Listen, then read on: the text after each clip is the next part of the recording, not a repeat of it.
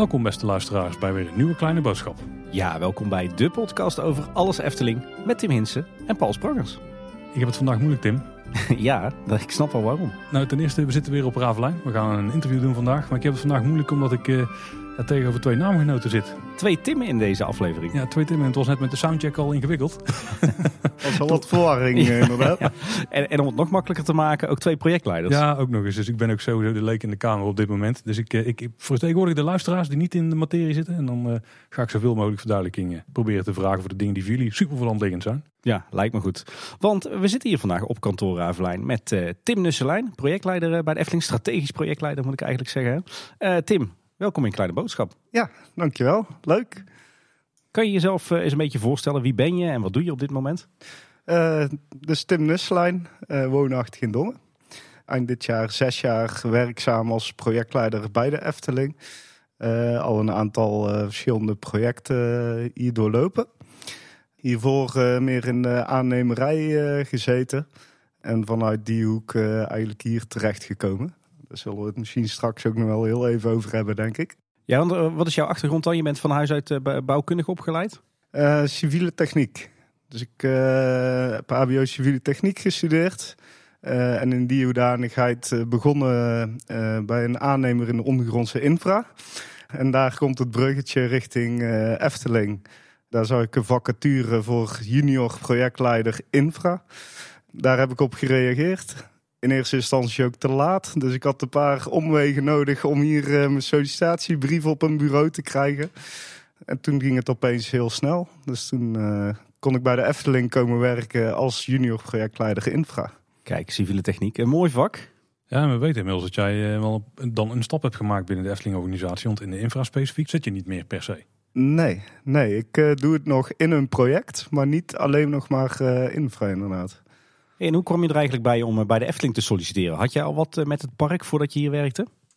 nou ja, zoals gezegd, woonachtig in Dongen. Dus vlakbij, eigenlijk van jongs af aan al Efteling meegekregen. Abonnementen gehad, dat soort zaken. Toen een hele tijd niet geweest eigenlijk. Uh, totdat ik op LinkedIn de vacature tegenkwam. En toen dacht ik, nou, dat zou wel echt uh, heel tof zijn. En die was bijna zo voor de hand liggend uh, dat ik er heilig van overtuigd was dat ik de juiste persoon was om hier als projectleider infra te komen werken. En dat bleek wel. Wat sprak je dan zo aan aan de Efteling? Nou, sowieso het jeugdsentiment. de complexiteit. Ehm, vooral om door binnen het park te moeten werken. Uh, maar ook de infra zelf is heel complex hier. Omdat je hele andere disciplines tegenkomt dan, dan in de buitenwereld. Want dat was voor jou ook al van tevoren duidelijk dat er wel zo het geval kon zijn hier in de Efteling. Ja, die inschatting kon ik wel maken. ja. ja. Ik, ik, wil dan toch meteen een klein beetje de diepte in. Want je zegt, je komt hier qua ondergrondse infra heel wat andere disciplines tegen. Wat, wat zijn dan die disciplines die je in de buitenwereld niet tegenkomt ondergronds, maar hier wel? Uh, bijvoorbeeld parkmuziek. Uh, signaalkabels, perslucht is ook niet heel uh, gangbaar. Ja, heel veel glasvezel heb je natuurlijk buiten ook. Alleen hier uh, wordt dat tot in den treuren moeten we het gebruiken. En wordt ook veel belangrijker hè, met betalingsverkeer, dat soort zaken. Telefoon, die hebben we ook in de buiten. Alleen hier zie je natuurlijk veel, veel vaker als nog een redundant netwerk. Ja, zo zie je ook dat er best wel aparte verbruikers op zitten. Uh, drinkwaterverbruikers of uh, uh, persluchtverbruikers, gas. Dus daar, je ziet een hele andere dynamiek ontstaan dan dat een woning zaken verbruikt. Ik kan me voorstellen als je de Fata Morgana moet vullen dat je inderdaad aardig wat, wat kubuswater nodig hebt. Ja, ja, dat is wel een van de uitdagingen geweest. Hoe wil je die het snelst? en die tijd hebben we weten te verkorten doordat ik hier uh, met de infra bezig was. Dat is wel interessant. Ja. ja. kijk, nou daar gaan we denk ik dadelijk nog eh, uitgebreid op in. Ja, misschien een beetje in het algemeen ook voor de leken zoals ik. Terug naar de basis, je bent projectleider. Dan moeten we denk ik eerst de vraag stellen, wat is nou een project? En dan misschien wat specifiek binnen de Efteling een project. Ja, eigenlijk is binnen de Efteling, uh, binnen de afdeling projecten, is een, een multidisciplinair uniek vraagstuk. eh, die wij eh, proberen te beantwoorden binnen die projectkaders die we hier stellen. Ehm, het is heel globaal gezegd. Maar het gaat vooral om de multidisciplinaire zaken. Die, we hebben zoveel belangen al intern, maar ook extern.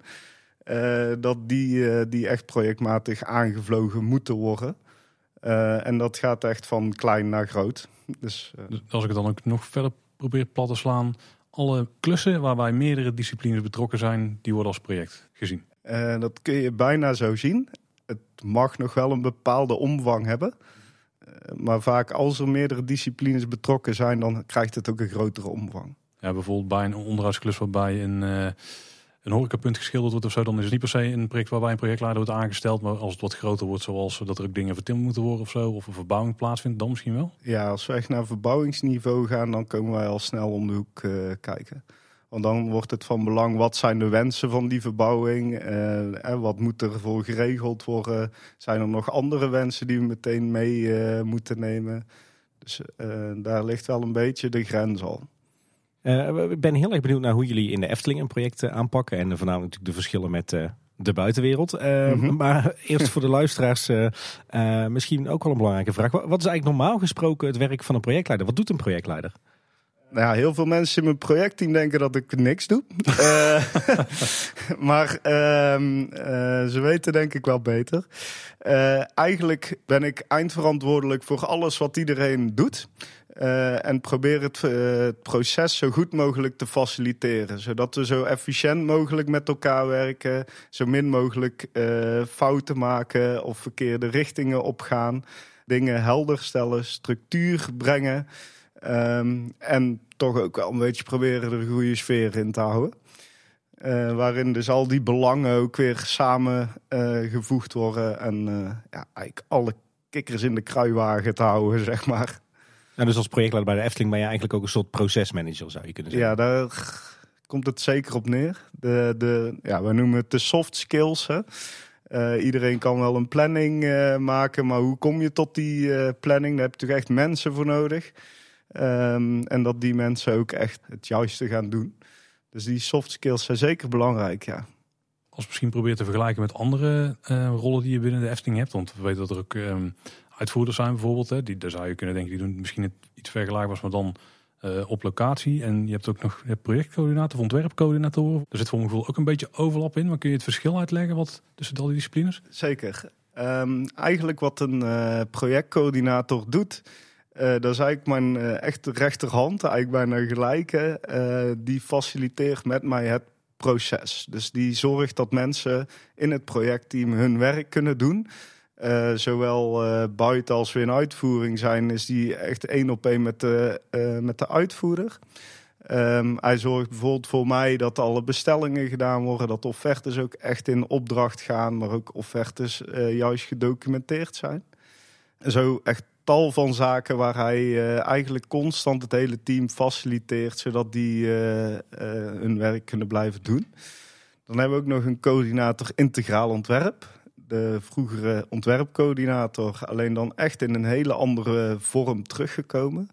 Die faciliteert het proces van het integraal ontwerpen. En dat doen we eigenlijk sinds vorig jaar. Uh, zijn we daar echt volop uh, ingedoken. Waarbij uh, Dans Macabre Eikenproject zou het helemaal doorlopen vanaf het begin. Um, en diegene, in dit geval Stefan Versleeuwen, die faciliteert eigenlijk constant dat mensen, de juiste mensen met elkaar aan tafel zitten op het juiste moment. Uh, en dat alles wat diegene produceert achter zijn bureau ook afgestemd is met de rest van het projectteam. Ofwel een integraal ontwerp. Ah, ja. Kijk, en dan hebben we ook nog de uitvoerder, ook een uh, belangrijke persoon bij projecten, kan ik me zo voorstellen. Ja, ja uitvoerder die loopt bij ons al wel redelijk vroeg op. Um, die adviseert al heel snel uh, bouwkundig gezien uh, in dit geval. Dus die kijkt al mee van, hè, op maakbaarheid, uh, op tekeningen geeft hij al opmerkingen. Hij kijkt al mee naar hoe kunnen wij het beste en het efficiëntste bouwen. Een mooi voorbeeld daarvan is de bakkerij. En uiteindelijk is natuurlijk, gaat de uitvoering starten. En dan wordt hij degene die de bouwplaats beheert en daar eigenlijk de leiding heeft over de bouw. En waar wij wel echt, ik als projectleider en de uitvoerder wel in nauw contact staan. Uh, omdat ik uiteindelijk wel verantwoordelijk blijf. Alleen de uitvoerder is echt verantwoordelijk op de bouw en bepaalt daar eigenlijk wanneer wat gebeurt. Oké, dus volgens mij klink jij dan als een spin in het web van dit alles. Als je nou een, een, beetje, ja, het is moeilijk denk ik om te schetsen, maar als je een doorsnee werkdag zou moeten beschrijven, wat voor overleg heb je dan met wat voor dingen ben je dan heel de dag bezig? Poeh. Uh, die is heel gevarieerd. Ja, dat kan ik me wel voorstellen. Um, die, uh, dat kan gaan van een uh, coördinatieoverleg buiten in de kate, waar de uitvoerders van de verschillende partijen afspraken met elkaar maken wat er die dag gaat gebeuren of de dag daarna. Het kan zijn een bouwteamoverleg waar we nog met de architecten, constructeurs, de aannemer echt afstemming hebben in het totaalgebouw. Uh, wat zijn de issues? Waar lopen we risico's? Uh, misschien zijn er levertijden die te lang gaan duren. Het kan zijn dat we na aan denken zijn over het vervolgproces. Hoe kunnen we het nog efficiënter gaan doen? inkoopgesprekken. Dan hebben we echt met de inkoper bij ons hebben we duidelijk zijn we aan het kijken voor wat, welke offertes lopen, welke trajecten lopen, welke kunnen in opdracht, welke moeten we nog feedback of reactie op geven. hoe vliegen we hem strategisch aan? Hè? Het strategisch inkoopplan, zeg maar. Hoe kunnen we het, het meest efficiënte en meest goedkope tussen aanhalingstekens maken. En zo zijn er eigenlijk verschillende, verschillende dingen waar ik me mee mag bemoeien, zou ik het zo zeggen. Voordat we dan gaan kijken naar de projecten in de Efteling, ehm, heb ik nog twee vragen die met cijfertjes te maken hebben. De eerste is hoeveel directe collega's heb jij die ook projectleider zijn? Uh, wij zijn met drie strategisch projectleiders um, en twee projectleiders. En dan hebben wij nog ingehuurde mensen. Uh, dat zijn er momenteel drie, als ik me niet vergis. Zo. Dat is een flinke club. Wat een club, ja. ja. Daar ben ik jaloers op. We zijn ook veel aan het doen. Uh, die zijn allemaal wel met hun eigen projecten bezig. Dus in principe zien we elkaar alleen maar het uh, projectleidersoverleg. En dan de tweede vraag is, hoeveel parallele projecten heb jij tegelijkertijd onder handen?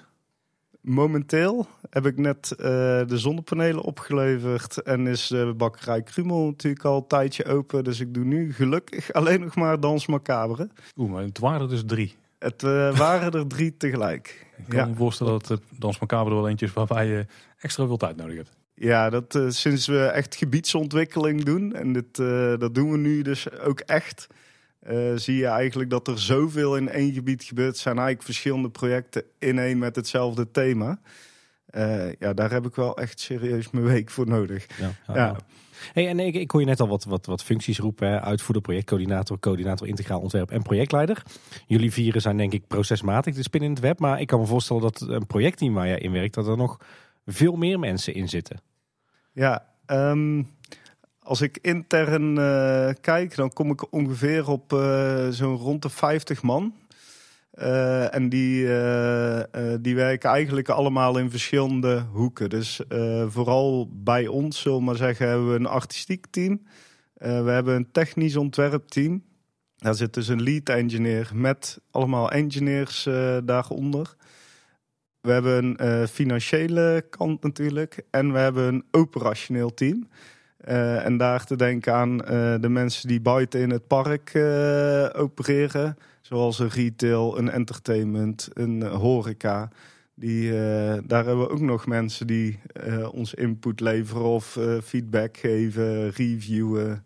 Maar jij, jij, zegt 50 man intern. Betekent dat bijvoorbeeld bij een Dans Macabre dat er echt 50 interne collega's in jouw projectteam zitten? daar komt het wel op neer. Ja. Allemachtig. Ja. Tim, dan heb jij nog rustig. ja, precies. Ik, Tim uh, Hins in ieder geval hou ik dan tegen.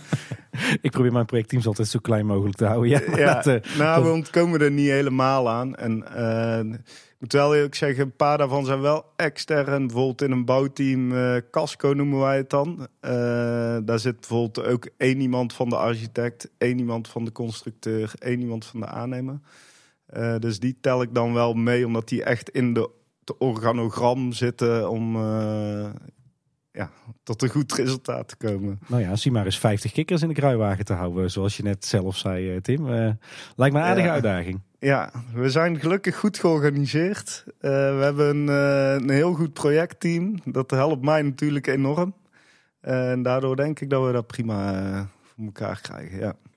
Hey, er valt al heel wat jargon. Eh, ik denk de belangrijkste vraag eh, in deze aflevering, ik ga hem eh, nu toch stellen. Ehm, hoe verloopt nou een project in de Efteling? Kijk, ieder project zal net wat anders zijn, maar een beetje gemiddeld project. Hoe, hoe verloopt dat en hoe pakken jullie dat aan? Hoe pak jij dat aan als projectleider? Ja, eigenlijk, eh, we starten met een opdracht. En die opdracht die kan binnen de Efteling kan die heel specifiek zijn. Bijvoorbeeld een, eh, een project vanuit planning en beheer. Daar kan echt een hele duidelijke eis eigenlijk komen. Ehm, maar die kan ook vanuit eh, directie komen. Eh, in dit geval bijvoorbeeld Dans Macabre was hij eigenlijk heel ja, wazig niet, maar er werd niet gezegd wat het zou moeten worden. Wat, was daar de projectopdracht? Eigenlijk maak een gebiedsontwikkeling bij het spookslot. Voor acht jaar en ouder. Met het eh griezelthema. Die eh, laat inderdaad nog Ruim. aardig wat ruimte. Ja. Ja. Dus eh, daar kun je natuurlijk een aantal dingen wel al uitvissen. Eh, gebiedsontwikkeling zegt al, oké, daar komt dus eh, retail, horeca, attractie, eh, entertainment. Maar daar werd echt niet gezegd dat het een attractie moest worden. Het moest een beleving worden voor acht jaar en ouder met een griezelthema. Alleen maar mooi, denk ik toch, voor jou als projectleider. Want dan kun je nog alle kanten op. Dan eh, kun je echt alle kanten op. Eh, dat was ook echt een super gaaf eh, proces. Want het had bijvoorbeeld ook een eh, groot themarestaurant kunnen, kunnen worden. Ja, ja, Ja. ja. Ja, jij zegt het begint allemaal met een projectopdracht. Je zegt al, die kan vanuit directie komen, die kan vanuit planning en beheer komen. Nou, planning en beheer voor de luisteraars is natuurlijk een beetje de onderhoudsclub in de Efteling. Waar komen die opdrachten nog meer vandaan? Dat is een hele goede vraag. In principe doen wij echt wel bouwprojecten en onderhoudsprojecten. Dus wordt het echt een IT-vraagstuk, eh, dan eh, blijft het ook echt wel bij IT eh, liggen. Maar ik denk dat we daarmee hebben eigenlijk al wel een grote slag gemaakt. Is dat planning en beheer heeft heel veel projecten, heel veel groot onderhoud en modificaties. Daar ligt ook onze, onze grens eigenlijk als wij het als project oppakken. En vanuit, eh, vanuit directie zitten vaak de grote strategische projecten. Eh, en zo wordt er eigenlijk een lijst samengesteld van alle eh, investeringen die we willen doen. Dus projecten. En die, ja, vanuit die lijst werken we. Maar het is niet zo dat bijvoorbeeld het Witte Paard de afdeling projecten belt en zegt, doe mij een nieuwe keuken. Eh, zou wel kunnen. Alleen dan loopt dat vaak al via planning en beheer, omdat die de keuken in beheer hebben. Maar het kan wel zijn dat er vanuit de horeca inderdaad een vraag komt of vanuit attracties. En die, eh, die wordt dan door ons wel of niet opgepakt. Misschien een vraag die ik net had moeten stellen, maar wat was eigenlijk het verschil tussen een eh, projectleider en een strategisch projectleider? Dat is een goede vraag. Ik dacht misschien komt die nog, maar... Eén schaal. Ehm, Zo denken ambtenaren zeker. ja, precies. Nee, een, eh, projectleider eh, bij ons die eh, pakt zijn eigen projecten op zonder projectcoördinator. Dus dat zijn de, kleine tot middelgrote projecten. ehm, die hun zelf eigenlijk ook coördineren. En een strategisch projectleider gaat dus al gauw naar de strategische projecten. Dus projecten die grote imago-schade kunnen opleveren. Die eh, boven een bepaald bedrag eh, gaan. Zijn eigenlijk ook bijna altijd eh, projecten die naar de, naar de Raad van Commissarissen moeten. Ehm, dus daar, ja, daar ligt wel de, de grens. Zijn er misschien ook de projecten waarbij de briefing nog iets ehm, abstracter is? Zoals je net ook schetst, van, er, komt een vrij ja, brede omschrijving nog bij jullie binnen. En dat je dan ook moet gaan onderzoeken van wat het dan precies gaat worden. Is dat ook nog een... Ehm, bij nieuwbouw is dat vaak natuurlijk wel zo. Eh, daar, daar kan die vraag heel, eh, vraag heel wollig gesteld worden. Eh, als we echt naar onderhoudsprojecten gaan, dan is vaak wel de richting is duidelijk, de scope vaak niet. Dus vaak pakken wij hem als projectleider nog, of als projecten nog zo op dat wij echt scope gaan helder stellen van wat, wat gaan we nu exact doen eigenlijk om te voorkomen dat we en niet te veel missen. Eh, dat we alleen maar op die ene vraag eh, blind staren. Eh, en dat we het juiste doen voor de Efteling, of in ieder geval voor onze opdrachtgever. Dat we die ook de keuze laten, joh, wil je dat we dit wel of wil je dat we dit niet doen? Bijvoorbeeld schilderwerk. Moeten we het meenemen of niet?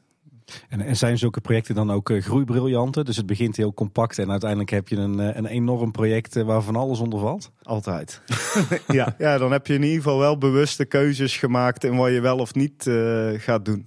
Heb je zo wat voorbeelden van wat nou typisch een project is wat op dit moment loopt, of net zo opgeleverd wat een projectleider doet en een typisch project wat een strategisch projectleider doet? Uh, nou ja, Dans Macabre is natuurlijk een heel makkelijk uh, voorbeeld van wat een strategisch uh, projectleider doet. bijvoorbeeld een projectleider heeft vrouw Holle dat was Mark Elings. Die, die pakt dat dan zelf op, zeg maar. Die heeft ook een projectteam uiteraard, alleen mist hij die projectcoördinatie, dus die pakt hij dan zelf. En is dat dan een middelgroot project of is dat een klein project? Ik denk dat dat een middelgroot project is. Die hebben we niet zo heel goed gedefinieerd, omdat dit is gewoon heel multidisciplinair. Dus pakken wij hem, uh, pakken wij hem op.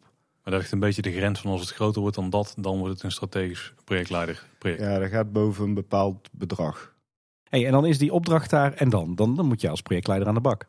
Ja, ja ik vind dan Dans elkaar nog steeds het mooiste voorbeeld. Um, omdat die ook redelijk recent is. Um, daar start ik eigenlijk eerst met een, uh, een uh, afspraak met de opdrachtgever. We hebben altijd een interne opdrachtgever. Zij het misschien een asset manager of in dit geval een directeur. Um, dus daar ben ik uh, gestart samen met een strateeg. Uh, eigenlijk vanuit uh, een strategie komen ook de opdrachten, zeg maar. Dus die hebben heel veel onderzoeken gedaan. Die hebben gekeken, oké, waar, uh, waar moeten we op in gaan zetten in de toekomst? En daar was bijvoorbeeld Spookslot een onderdeel van. Um, en samen met de strateeg en de opdrachtgever hebben we eigenlijk nog meer ingedoken op wat, wat is nu daadwerkelijk wat we moeten gaan doen. En daar uh, eigenlijk vanuit die vraagstukken gaan wij een concepting fase in. Dus daar gaan we met een wat grotere groep gaan we eigenlijk ja, de concepting doen. Uh, en daar kan echt van alles uh, uitkomen.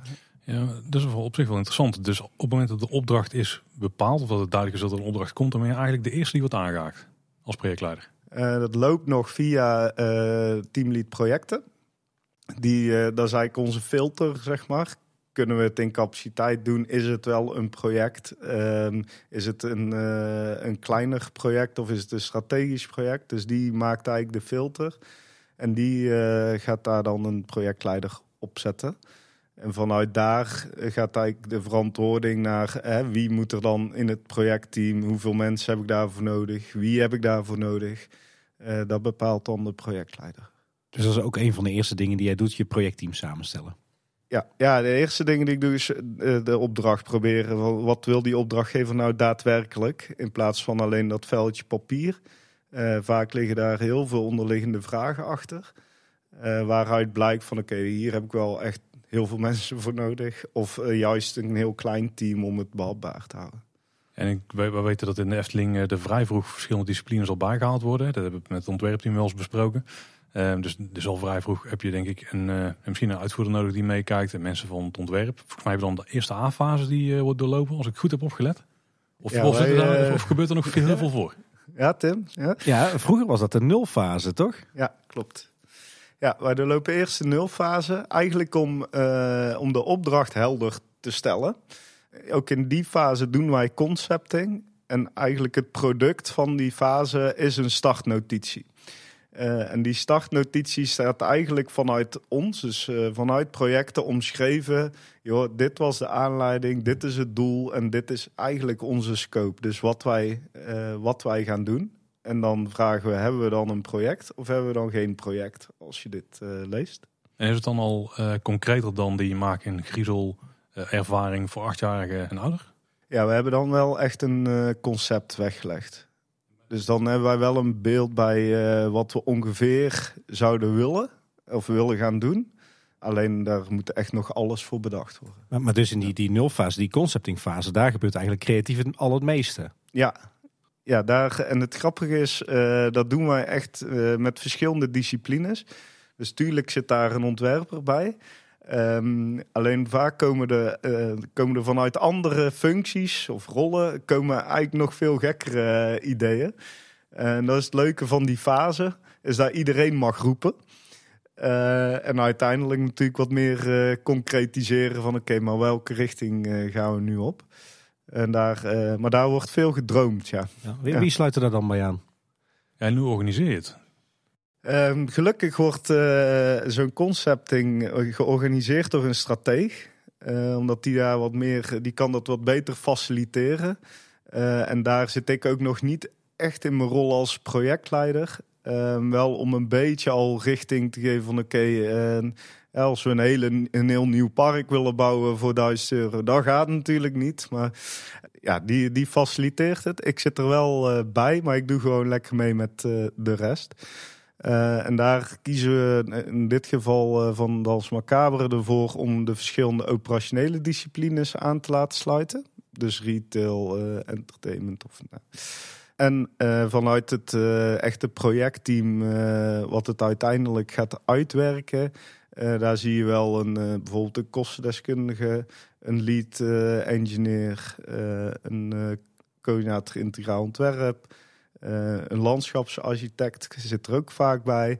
Zo eigenlijk uit- vanuit verschillende hoeken, om het vraagstuk ook vanuit verschillende hoeken te benaderen en eh, zo breed mogelijk te kijken, om daarna te gaan, eh, gaan kanaliseren. En Is er dan een strategie die mensen uitnodigt? Of eh, wordt er een beetje een brede oproep gedaan binnen die afdelingen waar dan mensen zelf op afkomen? Ehm, in dit geval hebben de stratege en ik dat bekeken van wat, waar zien wij de meeste toegevoegde waarde en waar kunnen wij. Soms is het handig om in de concepting heel even wel wat specifieker te gaan van joh, is dit haalbaar of niet? En dan is het handig om een bepaalde discipline erbij te hebben zitten. En moet ik me dan voorstellen dat jullie eh, ergens een ruimte boeken en dan zorgen dat de koelkast vol zit met eh, fris of andere drankjes. Eh, en de koffieautomaat natuurlijk dicht in de buurt is en dan gewoon daar een halve dag gaan zitten spuien? Of? Ja, in dit geval was het zelfs een dag. Oké. Eh, we zijn volgens mij uiteindelijk op drie dagen uitgekomen, maar toen kwamen we wel echt tot, tot het resultaat, zeg maar. Eh, helaas, de andere drankjes, die, eh, die worden hier overdag niet aan ons gegeven. Had wel leuk geweest, misschien nog betere ideeën. Jullie zijn altijd welkom bij ons in de studio hoor, daar staat zat klaar. Dus eh, Ja, daar spreken we voor een keer. Ja. Maar, maar dat is dan ook een beetje de fase die ze bij Disney de Blue Sky Imagineering noemen, denk ik. Ik geloof jou eh, meteen. Ja. Nou ja, kijk, waar ik heel benieuwd naar ben, is eh, er zullen vast heel veel opdrachten komen vanuit de directie of vanuit een tak van de organisatie die uiteindelijk eh, niet het groene licht krijgen en die weer ergens in de la worden gelegd. Van de projecten die tegenover ieder project dat wel doorgaat, hoeveel staan er tegenover die niet doorgaan, waar je wel bij betrokken bent in die beginfase? Dat is echt een hele goede vraag. Die durf ik niet te beantwoorden. Oeh, ook niet balpark? Nee, die de, ik zou het echt niet weten. Ik weet dat er. Eh, er zijn wel vaker initiatieven. Hè? En daar wordt echt wel even een keer naar gekeken. eh, gedroomd, zeg maar. Ehm, maar wat dan eh, ja, voor gekozen wordt om het niet verder uit te werken. Maar wat die balans is, dat, dat weet ik niet. Ik kan me voorstellen dat, dat het misschien 1 op 5 is of zo, of, of is het al... zit- Nee, want ik zou het echt oprecht niet weten. Omdat vaak als wij ermee aan de slag gaan. Eh, dan heeft het al wel een bepaalde eh, eh, Ja, ernst of zo. Of, Ja, ergens, of in ieder geval, het staat al wel op een investeringsbegroting en dat soort Ah, zaken. Dan kan alsnog een project sneuvelen, gewoon niet haalbaar of eigenlijk slechte investering of dat kan. Eh, maar die verhouding is gelukkig heel anders, anders zou we heel veel werk eh, weggooien. Ja, dus op zich, als het bij jou eh terecht komt, dan is de kans dat het doorgaat al 80% of zo. Ja, dan moet er niet allemaal corona en zo komen. Ja, eh, ja, dan... eh, Hey, en, en jij beschrijft nu zo'n conceptfase bij Dans Macabre, maar ik kan me voorstellen, eh, bijvoorbeeld het project Groot Onderhoud Joris en de Draak, dat zal minder, eh, daar, zal, daar zullen jullie niet drie dagen voor met elkaar aan tafel zitten, kan Nee. ik me zo voorstellen. Nee, nee, dan kom je veel sneller op eh, in die nulfase. eh, van wat is de scope? Wat pakken we wel mee? Wat pakken we niet mee? Ehm, eh, wat zijn de eisen van dit project? Waar lopen we tegenaan bij het normale onderhoud? Hè? Kunnen we daar iets in modificeren? Bijvoorbeeld.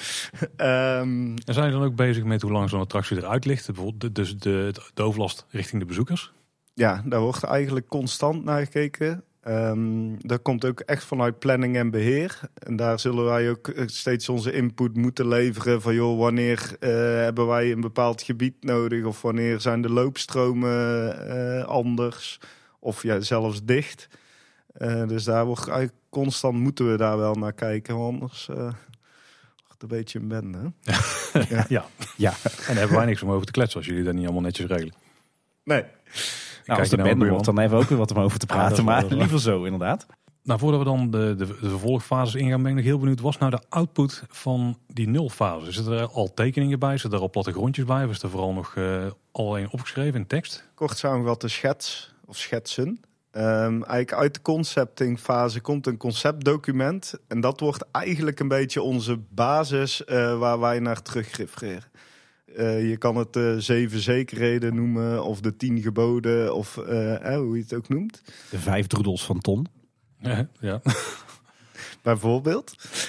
Dat conceptplan, uh, daar schrijven wij ook de startnotitie naar. Alleen dan wat meer op projecten gericht. Dus daar komt een grove planning in. Dat gaat echt op blokken van kwartalen, zeg maar. Nou, op basis daarvan wordt het besluit genomen. Op een gegeven moment wordt er ook informatie gedeeld met, met het publiek, met ons. En dan krijgen we een conceptart te zien of zo en een blogpost. Dat is tegenwoordig de manier hoe het gaat. Uh, ik kan me bijvoorbeeld herinneren bij Max en Moritz dat we toen een tekening hebben gezien uh, van hoe het gebied eruit zou komen zien in het station. Uiteindelijk is het anders geworden dan wat we op die tekening zagen, want later zijn er nog updates geweest van concept art. Maar is dat moment ook dat er al iets wordt gecommuniceerd of worden dan eerst meer van die vervolgfases doorlopen? Uh, vaak zijn wij dan al veel verder in het proces. Ja, okay. ja. dat komen we dan dadelijk. Ja. Is het einde van de nulfase wel het moment dat je naar je directie en je raad van commissarissen en de stichting gaat, bij wijze van spreken? Ja, ja de directie en de raad van commissarissen. Uh, en daar met die startnotitie vragen we eigenlijk goedkeur uh, om het project te starten. En vragen wij ook meteen een budget aan om dus een voorlopig ontwerp te mogen gaan maken. En is budget met een dikke duim, denk ik dan? Uh, dat is redelijk, ja, we zitten redelijk in de richting, omdat we inmiddels wel wat ervaringen hebben met hoeveel uur heb je nodig, wie moet er bij betrokken zijn, welke externe kosten krijg je. Maar ja, dat blijft wel een beetje koffiedik uh, kijken, aangezien we nog echt moeten gaan ontwerpen. Dus dat is een beetje dikke duim, Ja. Hey, en dan is de nulfase voorbij. Dan is er een besluit genomen door directie, door raad van commissarissen. En nou, wie goed heeft opgelet, die weet inmiddels, dan gaan jullie de A-fase in. Wat gebeurt er dan? Ja, de A-fase staat volledig in het teken van het voorlopige ontwerp. Uh, en eigenlijk aan het begin van zo'n fase dan uh, geven we eerst een kick-off. Wie uh, zit er in het projectteam? Wat, uh, wat is eigenlijk in de startnotitie gezegd dat wij gaan doen? Dat ook iedereen met dezelfde informatie begint te wandelen. Ik zeg wandelen, want rennen, dan gaan we allemaal de verkeerde kant op, uh, of in ieder geval een andere kant op. en eigenlijk vanuit die kick-off gaan we ook eerst kijken van joh, welke stappen moeten we nemen om te komen tot een voorlopig ontwerp. En dat kan echt alle kanten, alle kanten op.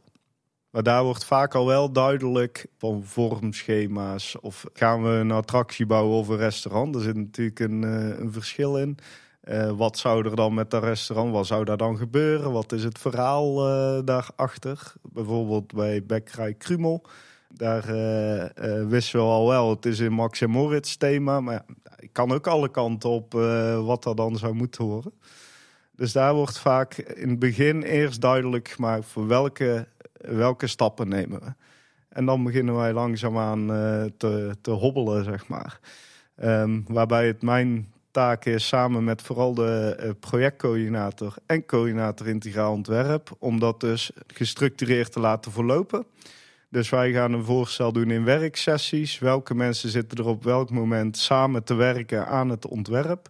En welke logische stappen volgen daar achteraan? je moet op dat moment dus ook een team bouwen. En zie je dan vaak dat de mensen die in de nulfase zijn betrokken ook op dat moment aanhaken? Want op dat moment ga je natuurlijk wel een flinke tijdsinvestering vragen van al die mensen, waar niet altijd de mogelijkheid toe is. Uh, klopt. Uh, vaak zien we wel dezelfde mensen terug. Uh, daar kijken we al naar voordat wij de concepting ingaan. Hebben die mensen ook de capaciteit om een project te gaan starten? dus vaak kunnen we die wel door laten lopen. En aan het eind van de aanfase is er dus een compleet voorlopig ontwerp. ja, ja, op alle vlakken. Um, dus we weten eigenlijk hoe het uh, artistiek gezien uh, wat het voorlopige ontwerp is. We weten het op technisch vlak. En eh, we doen al wel een, een goede gooi naar het financiële plaatje. En dat is ook allemaal op voorlopig ontwerpstatus.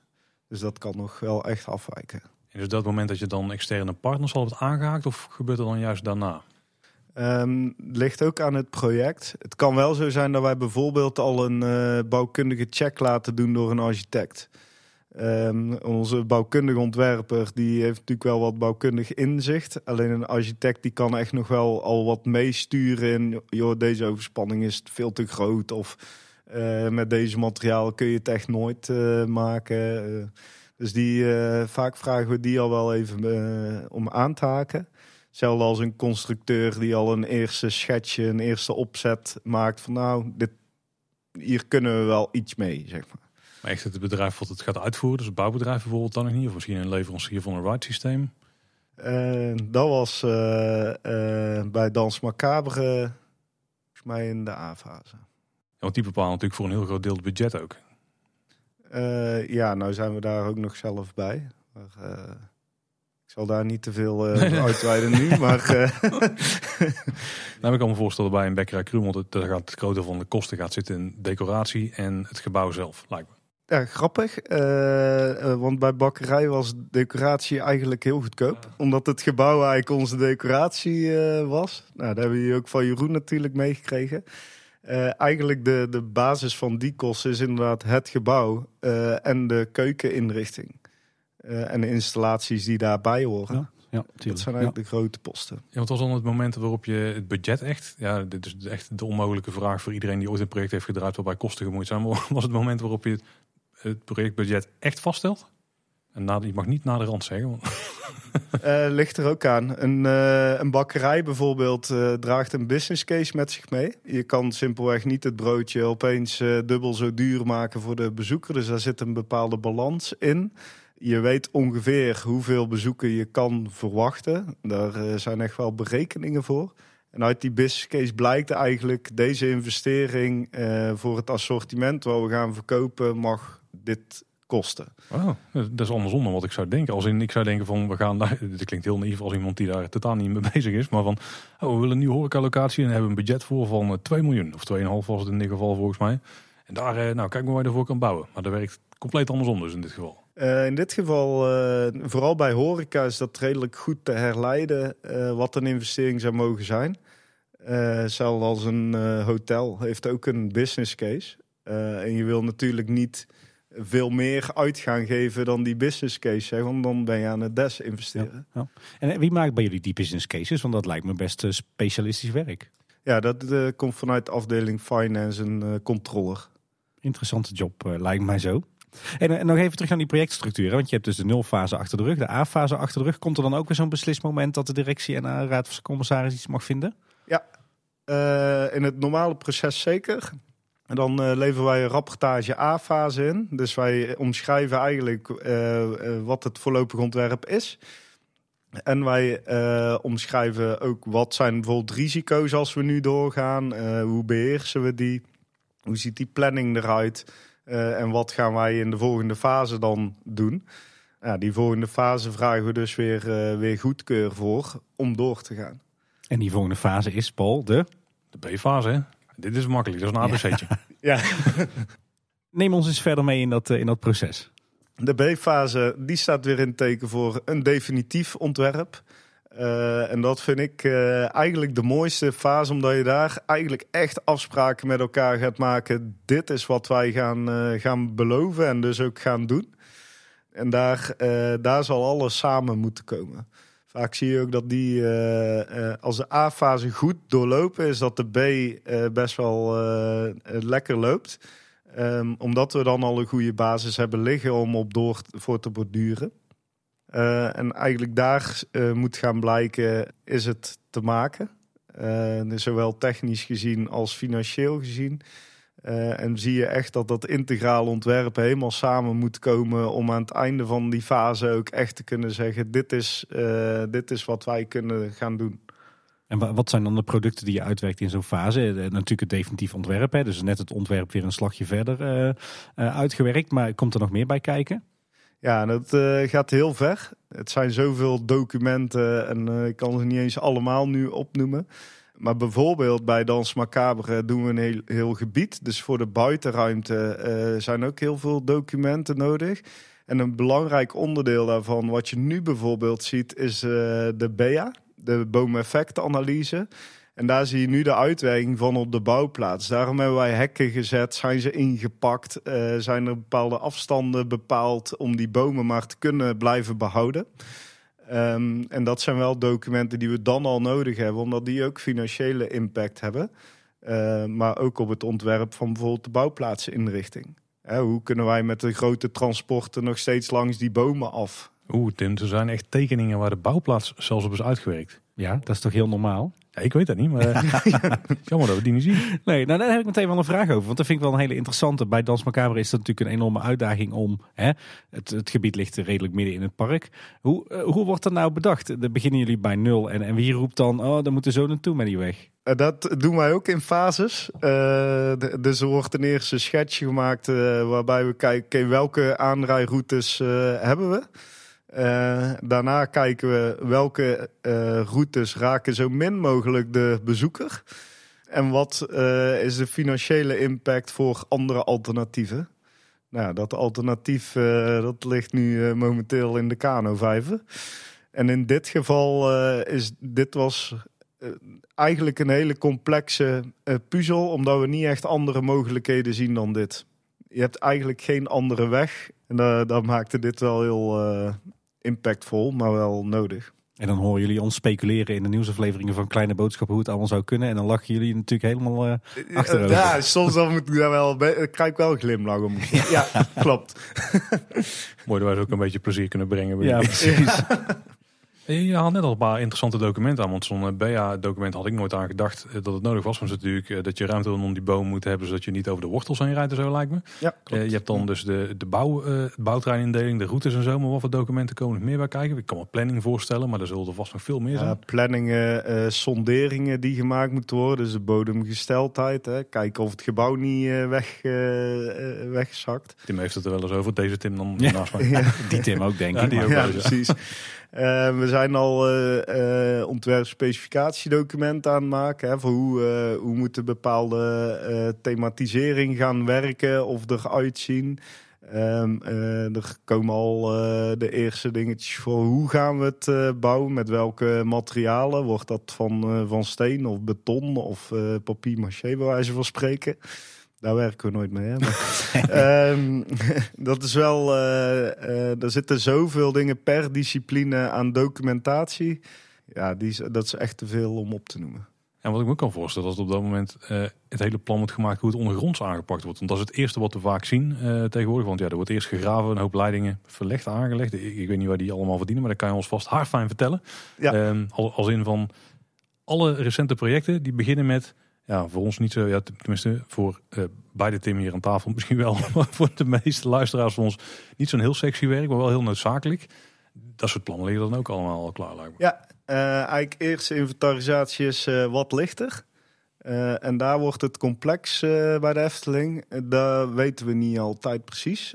dat komt simpelweg omdat we al redelijk oud zijn. Hè?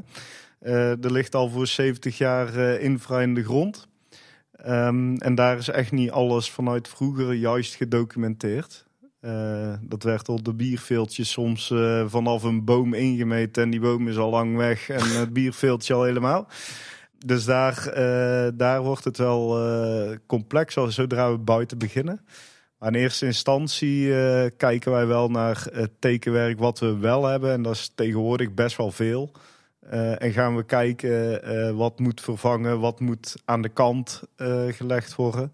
En daar zijn we de laatste jaren wel echt een verbeterslag in aan het maken. Dat we echt in tracés denken.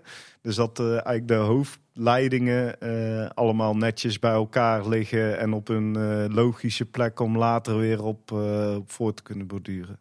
En ik kan me ook voorstellen dat jullie dan vooruitkijken voor een beetje naar andere projecten van wat hebben we ooit nodig. Zodat je al voorbereidingen kunt treffen dat je dan niet weer alles hoeft open te graven. Ja, voor toekomstige projecten weten we het vaak niet, omdat we het dan meteen zouden meenemen. Alleen we ontwerpen het wel dusdanig dat een nieuw project er makkelijk op aan kan takken. Ja, want dat bijvoorbeeld bij Dans Macabre ook zagen dan, dan wordt gewerkt op het plein voor Fabula.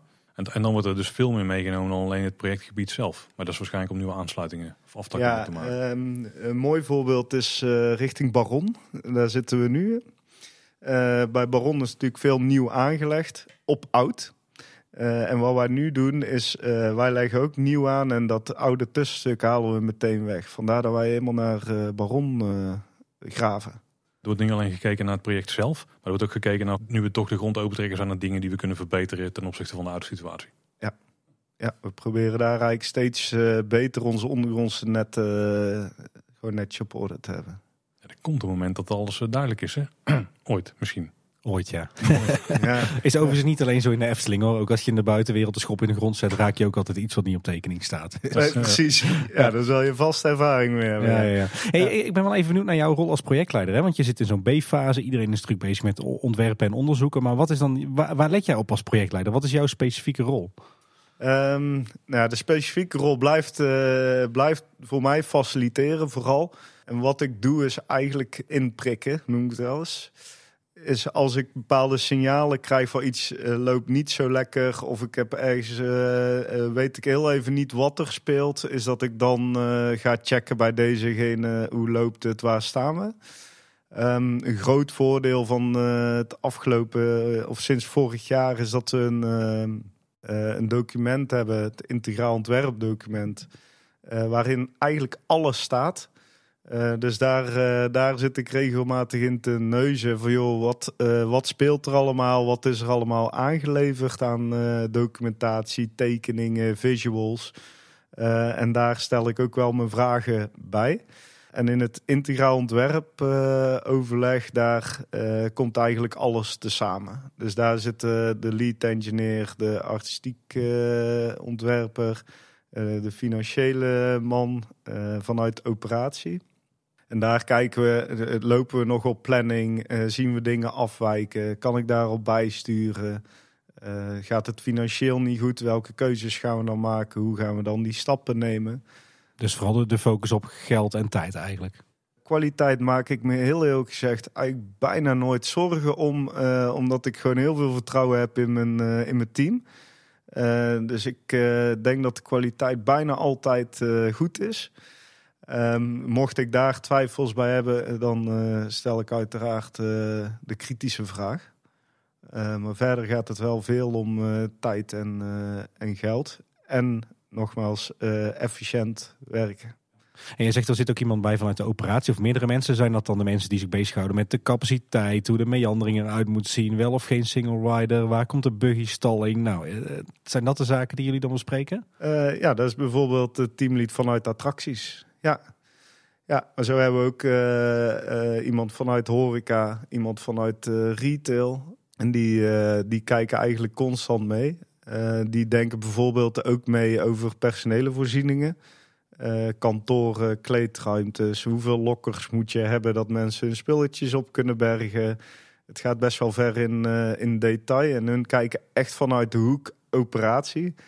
Eh, is dat als wij eh, het eh, project opleveren, dat hun er ook daadwerkelijk mee kunnen werken. En, en wie kijkt vanuit de ogen van de bezoeker? Vaak doet de strateeg dat. Dus dat begint eigenlijk al helemaal in het, in het begin. Ehm, die, die kijkt al snel mee en die leest ook, of die schrijft eigenlijk met mij de rapportages. Dus die kijkt eigenlijk constant, joh, voldoen wij nog aan de vraag van de bezoeker? Als we echt eh, qua bouwplaats eh, kijken en wat dan eh, de bezoeker raakt, dan hebben we verschillende mensen die daar in meekijken of in adviseren. Of die leggen we vaak op meerdere plekken weg. En mensen die zich ermee bemoeien via een podcast. Bijvoorbeeld. Ja, ja. En dan is het einde B-fase weer zo'n beslisdocument waar mensen wat van moeten vinden. Weer eh, rapportage B-fase. Staat het hele definitieve ontwerp in. Eh, staat bij eh, wat, wat het ongeveer zou moeten gaan kosten. En dat wordt eigenlijk steeds specifieker. Dus dat bedrag begint eigenlijk wel echt vast te liggen. Op te lopen. Op te lopen hopen we vaak van niet. Maar gebeurt wel. het is natuurlijk proberen we daar altijd binnen het budget te komen. En ik moet zeggen, dat lukt best wel vaak. In de huidige markt is dat iets lastiger, maar ik denk dat we daar prima toe in staat zijn. Dat vind ik wel interessant. Hoe doen jullie dat nu dan? Want we hebben nu te maken met de hyperinflatie, de, de brandstof, de, de, de bouwmaterialen. Het, gaat allemaal uh, door het dak heen. Hoe gaan jullie daarmee uh, mee om als projectorganisatie? Ja, dat blijft heel moeilijk. Ik heb al vaak gezegd, dit is echt een hele beroerde tijd om projectleider te zijn. Misschien dat je dat kan beamen. ja. ja. Wat wij wel proberen is, en in het uh, ontwerptraject er in ieder geval al rekening mee te houden dat we tegenslagen gaan, uh, gaan krijgen. Uh, qua levertijden proberen wij onze leveranciers of aannemers al vroegtijdig dat hun ons helpen te signaleren dat we al zaken moeten gaan bestellen. Er zijn ook afspraken met uh, de directie dat als wij materialen zien die echt in de, nou, bijvoorbeeld vanaf 1 januari veel duurder worden, dat we die ook nu al gewoon gaan bestellen. En ik denk dat een groot voordeel is, is dat we heel veel werken in bouwteams. Dus wij betrekken bijvoorbeeld een aannemer al heel vroeg, eh, zonder allemaal tendertrajecten te doen. Die zit eigenlijk al meteen aan tafel. En die, eh, dat hij ook mede verantwoordelijk wordt voor het ontwerp uitvoerend te krijgen. Maar ook het ontwerp binnen het budget mee te krijgen. En daar, daar denk ik dat wij als Efteling best wel modern zijn in, in die filosofie. en dat je ook sneller komt tot een maakbaar en betaalbaar Efteling product. Maar dat kan natuurlijk alleen maar als jullie met huisaannemers werken. Uh, ja, je kan in principe iedere aannemer natuurlijk bellen van joh, uh, wil je met ons, met ons meedoen? Uh, wij hebben wel de voorkeur voor bepaalde partijen, omdat we simpelweg ook wel een aparte organisatie zijn om in te werken. omdat we iedere dag operationeel zijn en de bezoeker verwacht ook nog wat. Dus daar moeten we wel rekening mee houden. Het lijkt dus wel te lonen om, eh, zeker in deze tijd, om materiaal vroeg te bestellen. In welke fase durf je al dingen in bestelling te gaan zetten? Of, of is het ook zo dat je tijd kunt reserveren die je eventueel nog kunt cancelen tot een bepaald moment? Bij een attractieleverancier kan ik me dat voorstellen bijvoorbeeld. Ja, bij een attractieleverancier zal je al sneller tot een contract over moeten gaan. Uh, er zit nog wel verschil in uh, uh, wanneer geef je opdracht en wanneer betaal je. daar zit natuurlijk nog een, een gat tussen. Sommige elementen kun je al eerder bestellen op B-niveau. Ik heb daar zelf de voorkeur niet in. Omdat je in een C-fase, dus als je echt meer naar een technisch ontwerp gaat, eigenlijk al veel duidelijker is wat we moeten hebben. Kan echter wel zo zijn dat wij bijvoorbeeld de bouwplaats al eerder mee gaan starten. Dus dan kan ik al eerder kabels bijvoorbeeld laten bestellen. Of uh, al leidingen al eerder in bestelling nemen. Of, uh... Ik neem aan dat Efteling Grand Hotel daar een goed voorbeeld van is. Ja, ik uh, ben niet helemaal inhoudelijk op de hoogte hoe, hoe het daar precies speelt. Maar die zullen datzelfde trucje zeker uithalen. Wat is trouwens het moment dat, dat je aannemers aanhaken? Is dat ook pas in de C-fase of misschien wel later? Uh, volgens ons kwaliteitshandboek doe je de eigenlijk in de C op basis van een offerte-traject. Maar omdat wij er vaak voor kiezen om in bouwteamverband te gaan werken, komt de aannemer al eerder om de hoek kijken. Ja, bij bakkerij Krumel als bij Dans Macabre heb ik dat al in eigenlijk halverwege de B-fase gedaan. Dat wij dan al naar meer definitief gaan en eigenlijk al wil weten, joh, wat, wat gaat dit vanuit de markt kosten? En die hebben net een andere blik op uh, maakbaarheid. Dus daar zie je dat de uitvoerder en een aannemer vaak met elkaar in gesprek zijn van joh, hoe gaan we dit dan later bouwen, zeg maar. Ja, nou ja een beetje, beetje hoe in de buitenwereld bijvoorbeeld wordt gewerkt met een design- en beeldcontract, dat soort constructies. Ja, daar, daar kom je bijna op uit. Alleen het design pakken wij heel veel nog zelf. En hun zit echt erbij, zeg maar als de output van de B-fase een definitief ontwerp is, dan zou je bijna denken, waarom is een C-fase nog nodig? Ja. Ja, die is zwaar nodig. um, uh, omdat eigenlijk de, in de C-fase is echt het technisch ontwerp. Dus daar ga je echt veel meer in detail zien uh, hoe dingen gaan werken, hoe dingen uh, blijven hangen, hoe dingen gemaakt gaan worden. Dus die is cruciaal. En dat is voor ons ook echt de fase om bij leveranciers, zowel in het bouwteam als gewoon nog externe, echt definitieve offertes te gaan, gaan vragen. En dat worden ook de bedragen die wij uiteindelijk af gaan rekenen. Dus ik kan me voorstellen, want ik vroeg uh, inmiddels alweer een half uur geleden of zo van was het moment dat, de, dat het publiek er voor het eerst iets van hoort, maar dat is dus echt pas na de C-fase zelfs, denk ik. Um, het ligt er een beetje aan. Uh, ik zit heel even te denken wanneer bakkerij. Waar zaten wij toen? Ik denk dat wij bij bakkerij ongeveer uh, einde B-fase zaten. Ja, dus okay. toch wel richting definitief ontwerp. Je wil op een gegeven moment ook wel laten zien wat we aan het doen zijn. En daar zie je vaak de verschillen wel in visuals. Uh, het kan zijn dat in het ontwerpproces uh, keuzes gemaakt moeten worden. Zij het misschien financieel of technisch. Dat we daar af en toe wat wissels om moeten trekken. Vanaf welk moment zien we ook werkzaamheden in het park? Is al tijdens de C-fase? Want daar kan ik me dan voorstellen. Bij Becker Krummel begonnen ze, nou, volgens mij is het vaak binnen zes weken nadat het bekend wordt gemaakt. Dan zijn de vergunningen allemaal rond en dan kan er gebouwd worden. Ja, de vergunningen vragen wij vaak einde B-fase aan. Uh, omdat we dan op het niveau zitten dat we een vergunning uh, kunnen aanvragen. Dat de documentatie simpelweg klopt om vergunning op te krijgen. Vlak daarna is de, de C-fase nog, dus dan werken we hem technisch uit. en daarna gaan we echt in, in uitvoering. Het is een beetje afhankelijk van het project hoe lang je C-fase moet zijn omdat je ook nog wel keuzes kan maken om dingen in de uitvoering nog, nog verder uit te werken. Kan in principe tot de dag van oplevering kan de C-fase duren? Nee, nee in mijn optiek niet. In theorie wel. Um, maar je kan bijvoorbeeld wel met de fundering uh, beginnen. En dat jij uh, een bepaald figuur nog niet weet uh, welk kleurjasje die aankrijgt. Ja, want jij zegt C-fase is technisch ontwerp. Dan denk ik aan de, de bouwkundige werktekeningen, constructietekeningen. Maar ik kan me voorstellen dat in de Efteling dat er nog heel veel meer ontwerpwerk en tekenwerk bij komt kijken. Ja, in principe is het uh, theoretisch gezien uh, is het echt een, een, technisch uitwerken van. Dus heb je een animatronic, dan gaan we echt naar het detailniveau. en zal een ontwerper zich veel meer gaan als adviseur in gaan zetten dan dat hij nog iets op papier zet. We weten wat hij voor figuur wil. Um, we weten wat voor bewegingen die moet gaan maken. Alleen hoe gaan we dat daadwerkelijk maken, aansturen, uh, dat soort zaken. Dat wordt echt in de C-fase wordt dat uh, uitgewerkt. En de ontwerper is dan meer in de controlerende rol. Uh, uiteraard zijn er altijd details die, die dan nog uitgewerkt moeten worden. Maar in basis is het meer controlerend. Dan kan ik me ook voorstellen dat jullie vooraf al bedenken dat er bepaalde elementen zijn in het uh, uiteindelijk uit te voeren uh, ontwerp die je misschien zou kunnen weglaten mocht het budgetair tegenzitten of mocht er een coronacrisis of zo de hoek om komen kijken. In ieder geval mocht er een reden moeten zijn om het budget te beperken. Uh, is dat zo of wordt er dan bekeken op het moment dat het duidelijk wordt dat dat soort maatregelen getroffen moeten worden? In de D-fase, in de uitvoering? Ja, nee, dat je daar in, in de B-fase misschien zo wel rekening mee houdt? Ja, in principe hoeft dat niet. Uh, want in de B-fase mag iets gewoon sneuvelen. Uh, dus gaat het van het papier uh, af. Het is vaak dan een financiële keuze om iets niet te doen. En die wil je eigenlijk voordat jij een uitvoering gaat wel al gemaakt hebben. tuurlijk zijn er wel zaken waar wij op voor selecteren.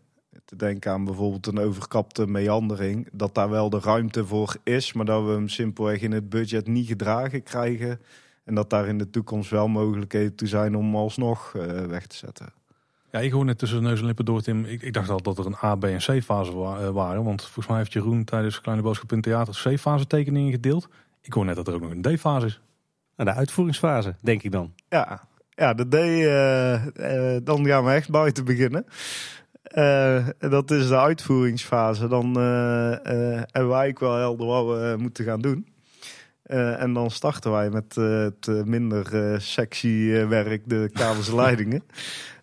en beginnen wij eerst de bouwplaats inrichting duidelijk de weg te zetten. En dat we klaar zijn om daadwerkelijk te gaan bouwen.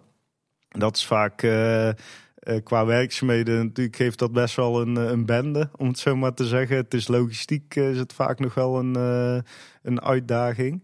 Uh, maar zijn we helemaal uh, klaar voor bouw, dan, uh, ja, dan kunnen we echt gaan maken wat we hebben gezegd dat we gingen maken. Iets wat we recent al zien in die fase is dat er eigenlijk twee niveaus van bouwschuttingen zijn in de Efteling. Laten, we het zo maar zeggen. We hebben, we hebben de afgelopen jaar een paar permanente bouwschuttingen gezien. En we hebben natuurlijk ook die verplaatsbare, gewoon de klassieke met bouwzeil. Hoe wordt die keuze gemaakt welke, welke er wordt neergezet? Ja, we kijken eigenlijk um, van wat, hoe lang moet die staan? Uh, want zo'n permanente bouwschutting, zullen we maar zeggen. Uh, het is zonde om die voor twee maanden weg te zetten. Dat is ook op duurzaamheid qua uh, geld, maar ook gooi je gooit weer hout weg. dus wij maken de afweging hoe lang kan die ergens blijven staan. En daar zag je bijvoorbeeld bij het hotel dat dat af en toe verschoof. Hoe het nu staat, dan weet je al, oké, dit staat er wel even, niet maar voor twee, twee maanden. Dus daar, daar maken we de afweging in, wanneer is het de moeite waard. Nee, zag bij Krumel echt dat er eerst een, hele grote, een heel groot gebied was afgezet en dat het steeds inslonk naarmate het project verder af was. Ja, ja, en dat heeft alles te maken met de infra die om het gebouw nog gemaakt moet worden of stijgerwerk wat, wat gezet moet worden op een gegeven moment waren wij aan de buitenkant uh, klaar en waren we alleen nog maar binnen bezig. Dus dan geven wij zoveel mogelijk ruimte weer terug. Uh, om maar uh, de bezoeker zo min mogelijk te belasten met wat wij aan het doen zijn. Ik weet dat mijn eigen werk eh, in, in de ontwerpfase en de fase daarvoor ben je vooral bezig met z'n allen op papier. En dan ga je in uitvoering en dan draai je alle rollen 180 graden. Dan is het ineens heel anders. Hoe is dat hier in de Efteling? Wat, wat heeft dat voor invloed? Het moment dat je in uitvoering gaat op jouw werk als projectleider, maar misschien ook het werk van de ontwerper, van de uitvoerder. Wat, wat, wat gebeurt er dan in jullie team? Ja, eigenlijk krijgen wij allemaal wel wat andere werkzaamheden. Um, uh, zo wordt mijn rol bijvoorbeeld anders. Ik ben in die voorgaande fases uh, eigenlijk steeds het, ja, degene geweest die uh, als aanspreekpunt was. Um, in de uitvoering wordt dat de uitvoerder. Hè? Die, die gaat het buiten eigenlijk bepalen en regelen. Gelukkig praat hij ook nog met mij, dat ik ook nog in ieder geval weet wat er speelt. Dus vaak als er uh, issues zijn of uh, de dingen zijn niet goed, dan komt het nog bij mij terecht. Als we dan kijken bijvoorbeeld naar de, uh, naar de ontwerper, die gaat ook veel meer buiten checken, wordt het gemaakt zoals ik had bedacht. Daarom zagen we bij Bekkerij Krumel vaak Jeroen op de bouwplaats, die weer net even met, met de uitvoerder meekijkt. Joh, uh, zou je dit niet net zus of zo kunnen maken? Of nou, de uitvoerder loopt ergens tegenaan waar niet aan gedacht is. Hoe lossen we dat esthetisch uh, op? En zo gaat iedereen eigenlijk net in een andere modus, maar wel vanuit dezelfde expertise. En als we dan even kijken naar jouw rol als projectleider, eh, heel veel werk, of als het wordt overgenomen door de uitvoerder in de zin, die uitvoerder, dat wordt zo'n beetje de belangrijkste persoon, die wordt het eerste aanspreekpunt. Waar houd jij je als, als projectleider dan nog mee bezig op dat moment? Sowieso met uh, bepaalde uh, contractvormen of opdrachten die uh, lopen. Dat iedereen ook volgens die opdrachten blijft werken. Vaak krijg ik het meer en minder werk op mijn bordje. Dat is eigenlijk bijna alleen maar meer werk. minder werk is er vaak niet bij. Oké, okay, maar ja. Nou, problemen waar ze tegenaan lopen, hoe gaan we daar mee om? Welke stappen gaan we dan nemen? Uh, planningen blijven borgen. Uh, een uitvoerder doet dat echt op dagniveau. Uh, zorgt hij dat dat, dat dat geregeld is. Alleen er zal ook gekeken moeten worden naar de uiteindelijke opening. Wij zijn bezig met nog steeds bouwteam overleggen. Dus je ziet dan vaak de projectleiders die op de bouw bezig zijn met hun mensen. Dat daar toch afstemming nodig is. Misschien lopen ze ergens tegen levertijden aan en moeten wij heel de planning omgooien. Dan kan ik niet meer van een uitvoerder verwachten dat die daar alleen nog in zijn eentje eh, doet. Dus daar, uh, daar kom ik bij kijken. En uiteindelijk zal het hele project ook weer overgedragen moeten worden. Dus daar uh, zit ook nog een heel traject aan vast. Hoe zorg je nou dat dit geborgd is bij planning en beheer? En het hele feest met de, de bouwschuttingen, die, de, de, de, afbeeldingen die daarop worden opgehangen, blogberichten, making-of, pins die uitkomen. zeg maar het hele communicatietraject en alles eromheen. Is dat ook iets wat bij jou als projectleider ligt? Uh, nee, daar ben ik echt wel van op de hoogte.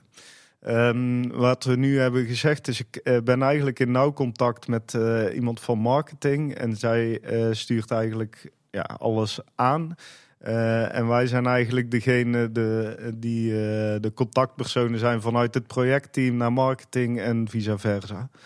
Dus uh, een making-of weet ik wel wat, er, uh, wat het script is, wanneer die gefilmd wordt, wie daarvoor nodig is.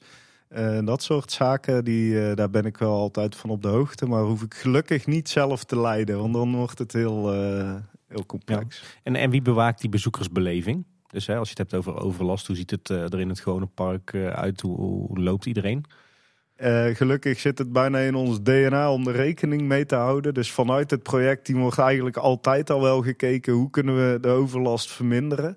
Ga je straks ook zien met het spookslot slopen. Dat gaat simpelweg gemerkt worden. Alleen hoe kun je dat nou uh, uh, zo efficiënt mogelijk doen, zodat de overlast zo min mogelijk is. Uh, als we echt kijken naar uh, dat er buiten op detailniveau iets voor een bezoeker niet handig is, is het vaak de operational duty die met de uitvoerder schakelt. Wij proberen er vanuit het projectteam al zoveel mogelijk rekening mee te houden, maar toch zijn het net vaak die details die dan uh, buiten snel opgelost worden. Ja, we spraken natuurlijk laatst bij Kleine Hoogschap met Anja Klis. Zij zou dan bijvoorbeeld iemand zijn die jouw uitvoerder belt van er moet even een zeiltje worden gehangen. Ja, zou kunnen, ja. Ja. Ik er iedere keer weer van sta te kijken, is dat als een project wordt aangekondigd, dan wordt er altijd een soort van uh, openingstijdsvak, laat het zo maar noemen, uh, gecommuniceerd. Ik kan me eigenlijk niet herinneren, uh, buiten wat grote projecten uit het verleden, maar voor de afgelopen, nou zal het zijn, tien jaar of zo, dat een project echt gigantisch is uitgelopen. Dat het, dat het zeg maar, wordt gecommuniceerd wordt volgende winter en dat het dan in het voorjaar wordt of zo. Hoe krijg je dat er voor elkaar? Want er zijn, daar ligt dan onder andere bij jou, denk ik, die verantwoordelijkheid. Ja, ja dat, dat klopt. Daar werken bouwteams ook weer in mee. Ik denk dat daar al vroegtijdig naar gekeken wordt wat is haalbaar. Uh, voordat wij überhaupt uh, ook richting een opdrachtgever zeggen wanneer uh, het opgeleverd kan worden. Daar is eigenlijk al wel snel het gesprek over om in grove lijnen te bedenken hoe lang gaan we hier daadwerkelijk over doen. Mocht het wel gebeuren, dan wordt dat vaak al zo vroeg in een vroeg stadium kenbaar gemaakt dat die datum al opschuift. Um, het is wel vaak een tijdsvlak, als in najaar, winter, uh, dat, soort, uh, dat soort dingen. Uh, nou wordt het in deze tijd wel anders, denk ik. Nou ja, dat is inderdaad waar ik naartoe wilde, want nu is het wel spannend. Want, ja. Want je kunt iets in bestelling hebben gezet aan de start van het bouwtraject, maar ja, of dat, dat dan op tijd is. Ja, nou dat, dat blijft spannend. Daar gaat niemand mij garanties op geven. We proberen dat dus door middel van die levertijden bijvoorbeeld in de gaten te blijven houden. Dat we al vroegtijdig bestellen. Maar ja, je weet nooit of je iets gemist hebt of niet. Uh, dus we doen er alles aan uh, om te, dat te voorkomen en altijd op tijd open te zijn. Alleen het blijft wel een groot risico in deze markt. En hoe werkt dat praktisch gezien dan? Want ik kan me voorstellen dat het niet handig is om al je bouwmateriaal al uh, vanaf dag 1 op je bouwterrein te hebben liggen. Dan hebben jullie een mooi depot ingericht voor Dans Macabre aan, uh, op wat wij strookrijk noemen dan, hè, met de liefhe als liefhebbers, dus aan de Horst. Uh, hoe ga je daarmee om? Hebben jullie, slaan je het ergens op? Probeer het wel om zo snel mogelijk te verzamelen, maar laat je het gewoon ergens staan of zo? Ja, dan vaak bestellen we vroegtijdig, maar leveren ze niet vroegtijdig. Uh, dus uh, vooral met een, uh, een dans macabre is de bouwplaats lijkt groot, maar is eigenlijk super klein. voor hetgeen wat we gaan doen, door de bomen die in de weg staan, door de verschillende dingen die we gaan maken. Dus we proberen heel veel on-time delivery te doen. Ofwel dagproductie te laten brengen, die meteen te verwerken. Oeh, dat is wel spannend in deze dagen, kan ik me voorstellen. Ja, dus, dat is spannend. En vaak gaat het om bepaalde componenten die een hele lange levertijd hebben. Er kan dus voor gekozen worden om die uh, in een opslag uh, uh, te zetten en daar een paar weken te laten staan. Ja, dat je zeker weet als je op tijd hebt. Ja. Die, ja, ja. ja. die tijdkwestie vind ik zo, sowieso al interessant. Want als je bijvoorbeeld de Efteling afzet tegen, ik noem maar een Wasstraat en, en, Disney, maar ook een Fantasieland. Zijn denk ik alle pretparkliefhebbers het er wel over eens dat de Efteling enorm snel bouwt. wat maakt nou dat verschil? Waarom bouwt de Efteling zo snel? Hoe, hoe krijgen jullie dat voor elkaar? Uh, ik denk dat wij uh, vaak wel weten wat we willen. Uh, daar ook niet te veel eisen aan stellen. Zoals een Disney die op ieder schroefje en moertje een mening heeft. Daar hebben wij veel minder. dus die eisen zijn iets flexibeler voor een leverancier. Wij proberen die tijd gewoon te verkorten, ook mede door bouwteams. Daar zit wel de key denk ik in snelheid dat je veel sneller tot iets komt wat en maakbaar is. Je hoeft niet het hele tendertraject uh, te doorlopen, zoals bijvoorbeeld een gemeente uh, Europees zou moeten aanbesteden. Die last, uh, om het zo maar te zeggen, die hebben wij gelukkig niet. Dus wij kunnen heel veel onderhands kunnen we in opdracht geven. Ja, dus, dus vooral een heel vroeg stadium al je aannemers aan tafel vragen. Ja, Ja. ja. dat is wel een truc eh, die je kan uithalen. Want je noemt een paar keer nu al bouwteams. Maar zijn er dan groepen van bedrijven die vaak samen een project aanpakken binnen de Efteling? Kan. Eh, het kan ook een, eh, een nieuwe partij zijn waarbij je gewoon vroegtijdig zonder het technisch ontwerp helemaal klaar te hebben en een uitvraag te doen van joh, wat kost dit? Eh, vraag je eigenlijk die partij om al mee te gaan ontwerpen om meteen kostenefficiënt tot een, een ontwerp te komen. Het is dus niet per se een, een team te zijn van bedrijven. Want het kan ook gewoon één enkel bedrijf zijn. Eh, ja, vaak zie je wel een combinatie, omdat het multidisciplinaire projecten zijn. Ja. Hey, dan hebben we die, die uitvoeringsfase. Is natuurlijk een hele interessante fase. Maar we gaan toch weer even terug naar de structuur. Komt er na een D-fase ook nog een E-fase, een F-fase en een G-fase? Eh, Wat dan? Ja, eh, ja vaak is eh, de, de E kennen we, dat is de nazorg. Is eigenlijk, eh, we hebben hem eh, in gebruik genomen. Eh, we gaan draaien en we komen er eigenlijk achter zodra de bezoekers er gebruik van gaan maken of al in een testperiode. dat er toch nog kleine dingetjes gewijzigd moeten worden. Of grote dingen, dat kan natuurlijk ook omdat het allemaal theoretisch bedacht is. Als je eenmaal open gaat, zie je de praktijk. Tuurlijk hopen we dat we dan eh, zo goed mogelijk het hebben ontworpen. Maar daar kunnen wel dingen uitkomen eh, die, eh, die we nog aan moeten passen. En eigenlijk in die nazorg passen we die, die dingen nog aan. Er zijn waarschijnlijk nog wel restpunten vanuit de bouw die nog opgelost moeten worden. Dus er zijn allemaal dingetjes die doen we in de E-fase, dus de nazorgfase. Eh, en eh, die staat ook zeker in het teken van eh, opleveren. Ofwel dat iedereen ook heeft gedaan wat we in de, de opdracht hadden staan. Maar ook naar onze collega's van planning en beheer. Dat die weten wat we hebben gebouwd en hoe dat te onderhouden. En naar bijvoorbeeld ook de technische mensen. Hoe werkt het en hoe, hoe moet je het technisch gezien onderhouden? Eh, en vaak zien we dat eh, richting het einde van het project wel wel mensen aan gaan haken om al mee te kijken. Eh, soms gaan er wel eens monteurs mee naar de leverancier om al mee te kijken hoe werkt nou, een Max en Moritz. Hoe werkt die baan? Hoe werkt zo'n karretje? hoe moeten de wielen verwisseld? Dat soort zaken. Iets wat ik wel opvallend vind. Hè. In, zo'n beetje de hele buitenwereld is een soort van standaard fasering bij projecten. De initiatieffase, definitiefase, ontwerpfase, voorbereidingsfase, uitvoeringsfase. Nou goed, ik kan dromen, want dat is mijn dagelijks werk. Daar word ik voor betaald. Maar bij de Efteling wordt volgens mij echt al decennia gewerkt met een 0 A, B, C, D, E fase. Waarom, van waar dat andere systeem dan de rest van de wereld? Dat durf ik eerlijk gezegd eh, niet te zeggen. Ehm, ik denk dat wij met dusdanige disciplines af en toe werken dat het hiermee eh, voor iedereen overzichtelijk eh, blijft. En dat wij bijvoorbeeld een voorbereidingsfase, het zit bij ons ook wel in die C, hè, dat is ook tevens voorbereiding voor een uitvoering. Alleen vaak zijn dat werkzaamheden die wij ook buiten de deur hebben liggen bij een aannemer die het zelf voorbereidt. Dus eh, voor ons is dat eh, dan weer wat minder interessant. Eh, tenzij wij dingen zelf gaan doen. Dus echt thematiseren bijvoorbeeld. En daar, dat doen we vaak in de, in de D-fase. Ja, daarover gesproken. Jij hebt natuurlijk ook, ook in de normale wereld gewerkt, zo gezegd, als projectleider en nu bij de Efteling. Wa- Wat zijn voor jou de grootste verschillen tussen projectleider zijn in de normale buitenwereld en projectleider bij de Efteling? Het grootste verschil is totaal andere belangen. Op eh, hele verschillende vlakken. Ehm, waar, je, waar ik in de buitenwereld eh, vooral met eh, of een netbeheerder of met een bewoner te maken had, heb ik hier eigenlijk heel veel bewoners in het park. En dat zijn ook nog iedere dag duizend anderen, om het zo maar te zeggen. Maar in het, in het ontwerpproces zit het hem vooral, denk ik, in, in de unieke dingen die we maken. Het zijn eigenlijk vaak nog, of prototypes. Eh, het zijn verschillende vormen die weer eh, met verschillende dingen eh, met zich meebrengen. Een bekkerij Krumel bijvoorbeeld heeft een houten constructie als frame. Ja, zo bouwen we in de normale wereld ook niet zoveel meer. Dus er zijn net die uitdagingen die, die het echt anders maken om hier bezig te zijn dan, dan in de buitenwereld. En de eisen die, die gesteld worden zijn ook heel apart.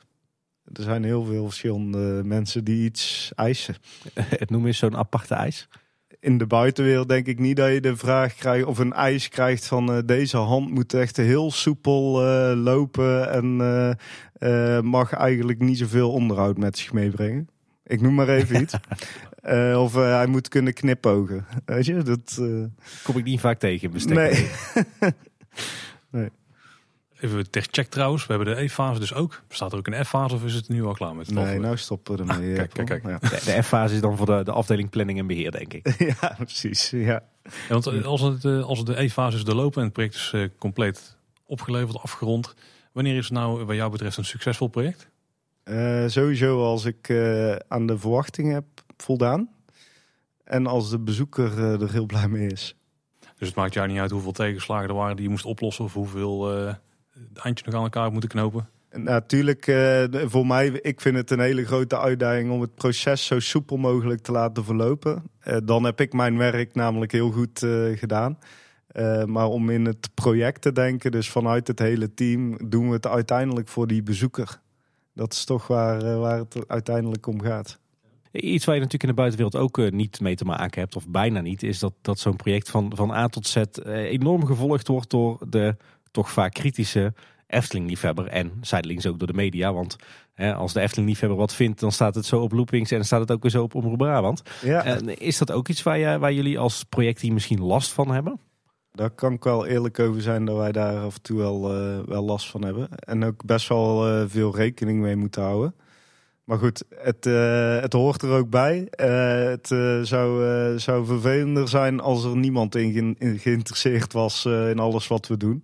Dus ik denk dat dat, eh, eh, ja, wij moeten er rekening mee houden om te voorkomen dat wij marketingtechnisch niks meer overhouden. Eh, maar voor de rest is het wel wat erbij hoort. Maar dat zijn dan dingen als eh, niet ergens een tekening laten slingeren, eh, hoog genoeg bouwschutting neerzetten, eh, zorgen dat iedereen zijn mond houdt. Eh, moet ik daaraan denken. Ja, eh, geheimhoudingen. Eh, vooral in het begin eh, zijn die echt van belang, omdat we echt met nog eh, conceptplaatjes eh, onderweg zijn. Ehm, dus wij moeten daar wel, ju- ja, we hebben daar wel juridisch stukken nog liggen van joh, teken deze geheimhouding, want eh, we gaan nu iets vertellen wat voor ons in het bedrijfsbelang wel belangrijk is dat je je mond houdt. Dus wij moeten daar zeker rekening mee houden. En hebben jullie ook nog profijt van het feit dat je wordt gevolgd door zoveel Efteling-liefhebbers? Dat neem ik aan van wel. Ja, ja het is niet voor niks dat jullie vaak uitgenodigd worden voor een soft opening, zoals wij het noemen. Of voor een opening. Tuurlijk wordt daar ook eh, de samenwerking dan opgezocht. Ja, jullie zijn toch een beetje de, de, de, ja, de echte Efteling-liefhebbers. Eh, ook de kritische Eftelingers. Dus die, eh, ja, daar luisteren we zeker wel naar. Nou, we hebben het projectleiderwerk hebben we al redelijk goed toegelicht, denk ik, in de, in de afgelopen... Ik, ik weet niet hoe lang dit na knippen wat nog overblijft, maar weer een flink gevulde aflevering in ieder geval. Maar je hebt natuurlijk ook gewoon veel projecten gedaan. Je hebt Dans Macabre een paar keer aangehaald als een voorbeeld en eh, Bekkerij Krummel. Maar je hebt inmiddels al veel meer gedaan in de Efteling. Misschien leuk om even de projecten waar je aan meegewerkt hebt eh, langs te lopen. Eh, zoals de aflevering begon, eh, begon het bij mij ook met de ondergrondse infra. Is dat nou als je binnenkomt bij de Efteling? Want je, je komt binnen bij de Efteling met, eh, denk toch met een droombeeld. En ik ga hier de attracties bouwen. En dan je eerste klus is ondergrondse infra. Denk je dan niet, eh, nou, lekker. Nou, eh, eigenlijk helemaal niet, omdat ik daar ook specifiek voor werd aangenomen. Ik was ook junior projectleider infra, dus ik wist dat ik daarvoor kwam. Ik heb uiteraard wel in eh, de sollicitaties gezegd van joh, mijn, eh, mijn droombeeld is wel uiteindelijk een attractie eh, te mogen doen. Eh, nou, daar zijn we inmiddels dat we daarmee bezig zijn. Maar, En wat voor een ehm, attractie? Ja, Wordt de mooiste. Hè? Ja, Ehm, maar goed, die, eh, nee, voor mij was ondergrondse infra. ik wist dat ik daarvoor kwam en ik had daar juist heel veel zin in. Eh, ik wist ook dat de Efteling toen al eh, een tijdje bestond en dat er echt wel werk aan de winkel was. En daar hebben we eigenlijk eh, een heel project gedraaid om gewoon de Efteling klaar te maken voor, voor de toekomst op infragebied. Simpelweg zonder die ondergrondse infra gaan hier de poorten niet open en wordt er niks beleefd. Dus het is echt de, de basis van alles wat we hier kunnen meemaken. Eh, Wat hebben jullie toen eigenlijk gedaan? Want ik kan me niet herinneren dat er een, eh, een enorme ringleiding van eh, allerlei nutsvoorzieningen is aangelegd in het park. Ja, er is bijvoorbeeld een grote eh, elektra-aansluiting vanuit Tilburg is er gelegd. Er zijn uh, werkzaamheden geweest aan de drinkwaterleiding om de drukken te, te kunnen garanderen.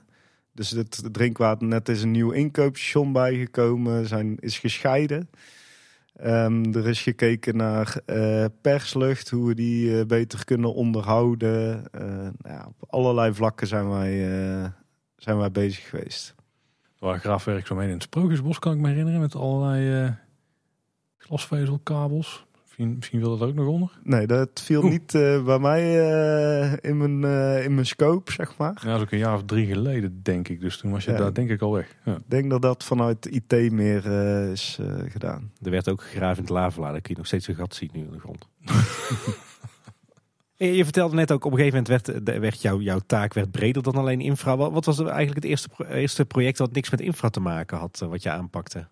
Uh, dat was uh, toen uh, de babbelboom, kniezende kniezoor. Dat was eigenlijk mijn eerste echt ja, Efteling project. toen kwam ik uit de grond, zeg maar. en toen moesten er ook echt ontwerpen gemaakt worden. Dus dat is eigenlijk de eerste, het eerste project wat ik na de ondergrondse infra deed. Bijna een IT-project eigenlijk. Ja, uh, ja, toen wist ik ook niet precies waar ik aan begon. Um, het was een, uh, een project dat uh, kwam vanuit Innovation Lab. En daar werd toen eigenlijk geïnvesteerd in nieuwe technieken. En dat zag je achteraf natuurlijk ook wel dat er af en toe wel wat problemen mee waren of nog zijn. Ik vond het wel een hele stoere stap om het wel gewoon te doen en te gaan proberen. Hoe, kun, je die, hoe kun je de bezoeker nu verrassen door hem persoonlijk aan te spreken? Daar, uh, daar is heel veel samenwerking geweest met de IT uh, eh, toen de tijd. Ik kan me wel voorstellen dat zo'n project heel anders loopt dan het bouwen van een restaurant of uh, van een attractie. Ja, ja, loopt heel anders. Daar is eigenlijk de, de boom aan zich is dan relatief makkelijk ten opzichte van de IT die erachter hangt. Dus daar is zeker een andere dynamiek in dat project dan dat je een, een bakkerij bouwt. Ja. En volgens mij heb je ook meegewerkt aan eh, wat uh, zaken rondom het Max Moritzplein. Ja, ja klopt. Um, eigenlijk was daar ook de vraag, uh, kunnen we die, het heette toen nog Horeca Anderrijk. Project Max Moritz, dat liep al. En was eigenlijk de wens vanuit horeca, kunnen wij op het plein nou ja, een, achteraf een bakkerij toevoegen, maar ook steenbok ombouwen naar Frau Eh, de chaletjes die er stonden toch anders eh, gaan positioneren. En toen zijn wij gaan kijken naar hoe kunnen we het plein nou veel logischer maken. Uh, en ook vooral met in het achterhoofd een nieuwe horecalocatie erbij te maken. En daar zijn wij, zijn wij toen mee aan de slag gegaan. En hebben eigenlijk heel het plein opnieuw gedaan. Ook de ondergrondse infra aangepast. Uh, was ook nodig, omdat mevrouw Boltescu eigenlijk volledig elektrisch uh, is gegaan. Om ja, onze ambities om gasloos te worden uh, ook waar te maken. Um, dus daar zijn wij toen begonnen met, met het plein en Boltescu. met de kipschuur die ernaast staat. en in de tussentijd waren wij al met de ontwikkeling van de bak bezig. Dus daar, daar was nog heel even grasveldje, zoals je je waarschijnlijk wel herinneren. En toen zijn wij daarop verder gaan bouwen. Ja. Lijkt me best wel een ingewikkeld project, want het bestaat eigenlijk uit allerlei losse deelprojecten en het ook nog best wel een langlopend project. Is het ook zo dat daar nog wat in geschoven is in al die deelprojecten wanneer je wat aanpakt? Um, ja, daar is in geschoven, want in eerste instantie zouden wij de bakkerij uh, volledig gelijktijdig uh, opleveren. Uh, daar is wel een vertraging in gekomen. Um, het, we hebben het wel weer sneller kunnen, uh, kunnen maken door corona. Dus dat heeft ons in dat opzicht wel weer uh, geholpen, omdat we toen de bezoekersstromen niet op dat plein hadden. Um, dat was voor ons een mega grote puzzel in de voorbereiding. Hoe gaan wij met de bezoekersstroom om als wij een heel plein op zijn kop gooien? nou, daar heeft corona nog in ieder geval een voordeeltje gehad. Hey, de bakkerij Krummel is een enorm succes. Hè. Ik denk dat alle Efteling-liefhebbers er laaiend enthousiast over zijn. Uh, het loopt volgens mij als een trein en bezoekers geven het meer dan een 9. Hoe, hoe verklaar jij als projectleider dat grote succes van dat project? Bedoel je dan het eindproduct of het project? Uh, nou, allebei. Want ik vind zelf uh, de bakkerij namelijk ook een heel groot succes. alleen meer in het proces wat wij met elkaar hebben doorlopen.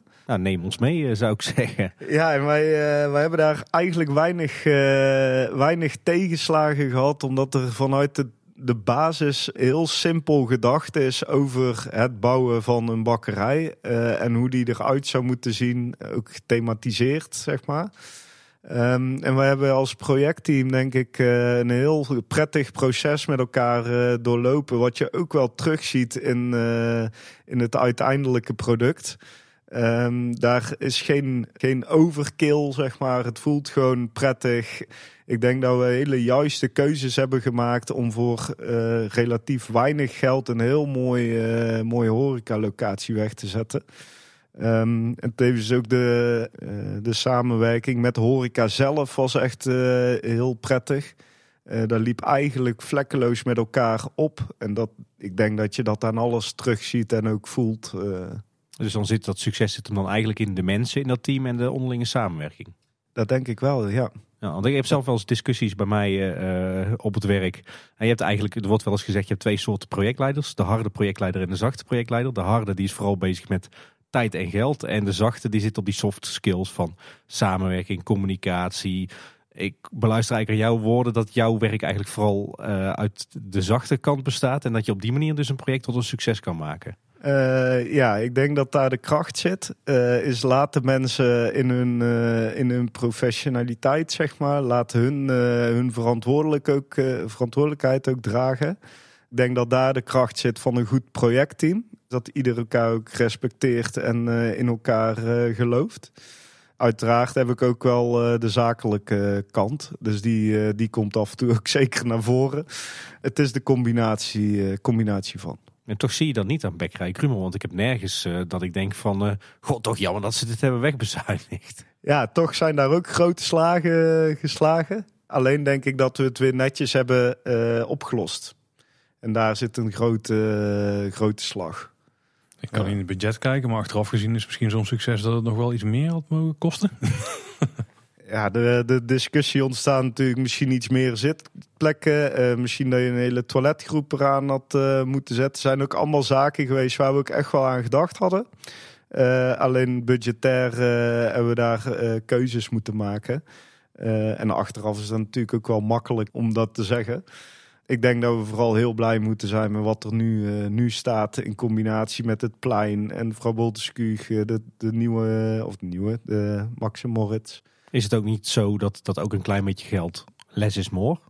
Ik denk dat uh, bijna iedere ontwerper dat gaat bevestigen.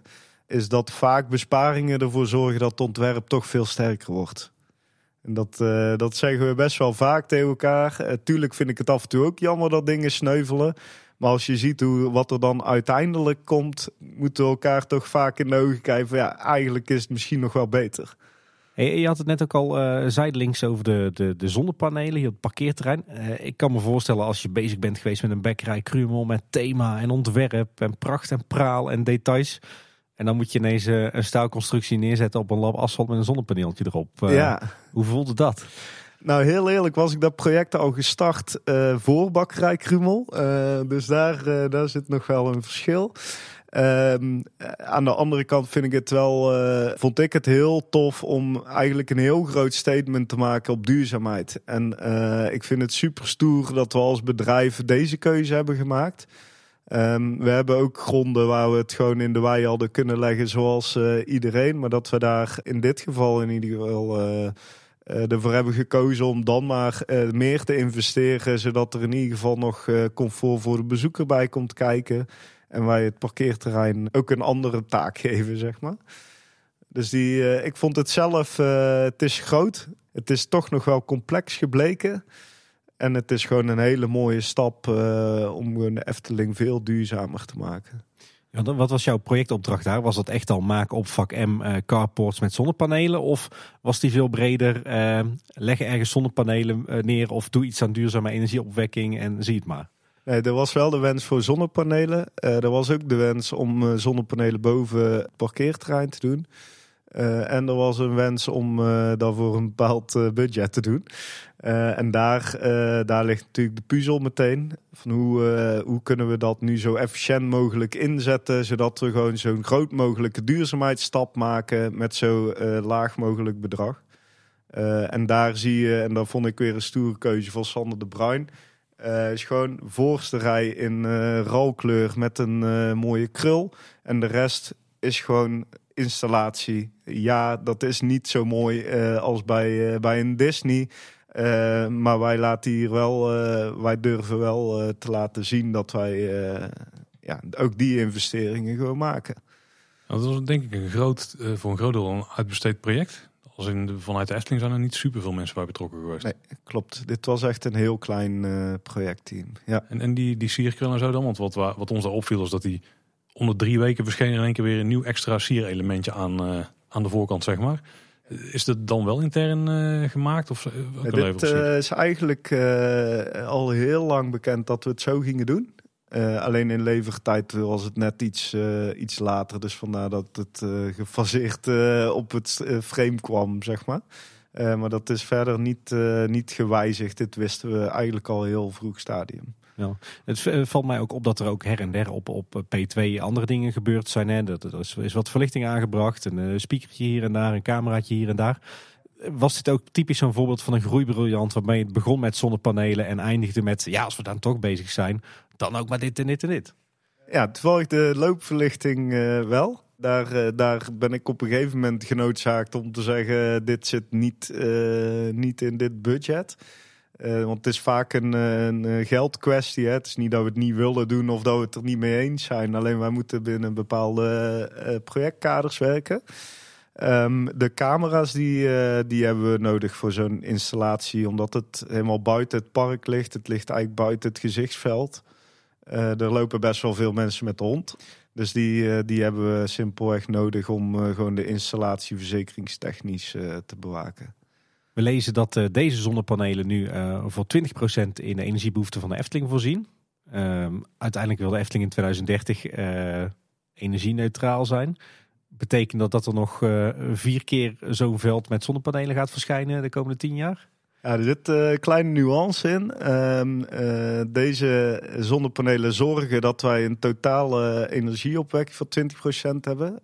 zo hebben wij al WKO-systemen bij bijvoorbeeld het hotel, het Efteling Hotel in Bosrijk. Bij Loonse Land zit al het ketelhuis. Dus deze die heeft eigenlijk opgeplust naar 20%.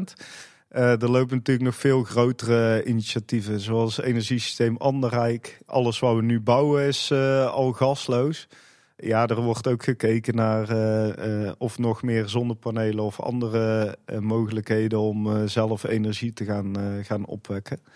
We zijn hard op weg. Het is wel een moeilijk, moeilijk vraagstuk om ook echt aan te voldoen denk niet dat we bang zijn om daarin te investeren. Is, is dat iets, dat hele onderzoekstraject waar jij ook nog bij betrokken bent als projectleider? Of is dat nog even niet uh, een project? Nee, gelukkig uh, nee. nee. Ik, ik zou de molen van het Larikoekhuis inzetten als windmolen. Bijvoorbeeld. Ja. Daar zal wel zijn dat hij op de wind gaat draaien. Misschien doet hij dat al wel, daarom staat hij af en toe stil. Ja, wie weet. Ik denk dat het tijd wordt om eh, heel kort nog over Dans Macabre te praten. Met een hele dikke disclaimer dat op het moment dat eh, de aflevering uitkomt... er misschien schitterende concept art is uitgekomen waar wij niet van op de hoogte zijn. Want op dit moment is het in ieder geval meer dan het logo en de eerste concept art die Jeroen heeft uitgebracht. Ja, we nemen dit op oktober 2022. Hè? Dus op dat moment is er nog niet heel veel bekend over de opvolger van het spookslot. We hebben natuurlijk wel een, een gebouw gezien in de achtergrond van de tekening. Showgebouw, ja? Ja, ja. ja. Hey, ik ben wel benieuwd, eh, Tim. Eh, op welk moment ben je eigenlijk bij Dans Macabre betrokken? Was dat pas op het moment dat, uh, dat er al was besloten om het spookslot te slopen en iets nieuws te bouwen? Of was dat nog veel eerder in het traject? Nee, al veel, uh, veel eerder in het traject. Uh, zoals al eerder gezegd was de opdracht het gebied van spookslot. Wij hebben serieus gekeken of we het spookslot niet upgrade konden geven. Alleen daar kwamen echt wel veel nadelen bij kijken. Dus ik zat al veel eerder uh, in het project uh, of in het proces. Eigenlijk uh, zodra het een project neigde te worden, zit, ik, zit ik aan tafel om het proces te mogen, mogen begeleiden. Was het spookslot, stond er nog, wisten we nog niet wat we ermee gingen, gingen doen. Kijk, wel ineens trouwens een mooie stap van Bekkerij Krumel en de zonnepanelen naar echt een enorme attractie of eigenlijk zelfs een, een nieuw themagebied. Ja, ja, dat is echt een heel mooie, uh, mooie, mooie stap. Ik vind het ook echt een, eh, een eer om te mogen doen. Het is ook ja, hetgene waarvoor je hier projectleider bent. Dus ja, nou alleen nog, ook nog echt waarmaken. Maar goed, we zijn, de eerste stappen zijn zeker, zeker goed. Ja. Maakt het niet lastig, al dat sentiment rond het spookslot? Intern viel dat mee. Tuurlijk zat er ook sentiment. Ook ik kwam er vroeger en vond het spannend en, en mooi. Um, alleen op een gegeven moment kom je wel op hele zakelijke feiten, zeg maar. Technische zaken, dat soort dingen. En dan worden de gesprekken ook anders. En dan raakt op een gegeven moment het sentiment naar de achtergrond. Uh, ik denk ook dat dat goed is, uh, want anders gaan we niet zulke stappen durven nemen. Ik ben er ook echt heilig van overtuigd dat wij als projectteam alle mogelijkheden hebben bekeken. Uh, en dat dit, dit de juiste keuze is. Dus ik sta hier volledig achter. De directie heeft de juiste besluit. En ja, ik beloof jullie dat het echt de moeite waard wordt. Ik ja. zie pret oogjes. Ja. Ik heb me nog wel eens afgevraagd dat door de ophef die er op een gegeven moment is ontstaan, dat er misschien ook een soort extra voorzichtigheid is gekomen en dat het spookslot heel voorzichtig ontmanteld is. Misschien voorzichtiger dan het anders was gebeurd. Beeld ik me daarin? Of, uh... Ja, dat beeld je wel in. um, uh, heel eerlijk gezegd heb ik qua planning of uh, wat dan ook, heb ik er nooit in die zin rekening mee gehouden. uiteraard houden wij wel rekening met bepaalde communicatie. Uh, maar in planning of uh, dat soort zaken doe ik wat nodig is. Of ik, in ieder geval de mensen buiten. Dus daar houden wij verder geen, geen rekening mee. Omdat wij een bepaalde deadline hebben staan die wij willen halen. En dan is dat nodig. Ja, we hebben wel een, een blogbericht gehad waarin jij de ster was. Um, en toen ging het bijvoorbeeld over de ontmanteling van het spookslot. Maar er werd niet echt heel duidelijk aangegeven van dan begint te slopen. Want er wordt heel veel tijd genomen om nu te ontmantelen. Ook om mooie objecten eruit te halen. Maar ja, er moet ook gewoon een hoop piepschuim afgevoerd worden. Dus ik kan me voorstellen dat dat, dat dan wat moeilijkheden met zich meebrengt. Maar... Uh, wij, zijn, uh, wij zijn begonnen met erfgoed eruit te halen. Gewoon wat vinden wij uh, vanuit erfgoedbeheer belangrijke elementen om te bewaren of te hergebruiken. Dus die, daar zijn wij met z'n van start gegaan. Uh, dat gaat op basis van erfgoed, maar ook uh, bijvoorbeeld wifi-punten of gewoon bruikbare elementen in een gebouw. Um, dus daar zijn eerst onze eigen diensten ingedoken. Uh, haal alles eruit uit wat eruit moet. En daarna komen er eerst heel veel andere werkzaamheden voordat wij zoveel kunnen afvoeren. En dat is ook om te voorkomen dat wij constante bezoekers uh, belasten, zeg maar, door over het Maximoritzplein naar buiten te rijden. Dus de bouwplaats aan zich, uh, met de kabels en leidingen, met de routes die er naartoe liggen, uh, die zullen eerst gemaakt moeten worden voordat wij de overlast eigenlijk kunnen beperken en dat gebouw af gaan voeren. Oh, dus jullie kiezen er bewust voor om te zeggen, we leggen eerst alle nutsvoorzieningen aan en daarna gaan we pas grootschalig, grootschalig slopen. Ja, want die, uh, die nut er eigenlijk weer voor uh, dat wij ook kunnen slopen. Uh, sommige dingen liggen in de weg voor de sloop of voor de nieuwbouw. En wij hebben een bepaalde bouwroute nodig om eigenlijk zo snel mogelijk die vrachtwagen weer het park uit te hebben. Dus het, het zijn bewuste keuzes waarom die nu, de, nu nog staat. dat zal niet zo heel lang meer duren, dat kan ik al wel zeggen. Maar Nee, wij, zijn, uh, wij houden daar geen rekening mee dat mensen nog langer naar kunnen kijken. Of, uh, nee. nou, het is bijvoorbeeld van dat bij de bouw van het hotel, de vrolijke noot die daar stond, die was denk ik binnen drie dagen werk of zo. En Spookslot die staat er denk ik een week of zes, uh, zes en een half. Zitten dan extra uitdagingen bij zo'n gebouw als Spookslot?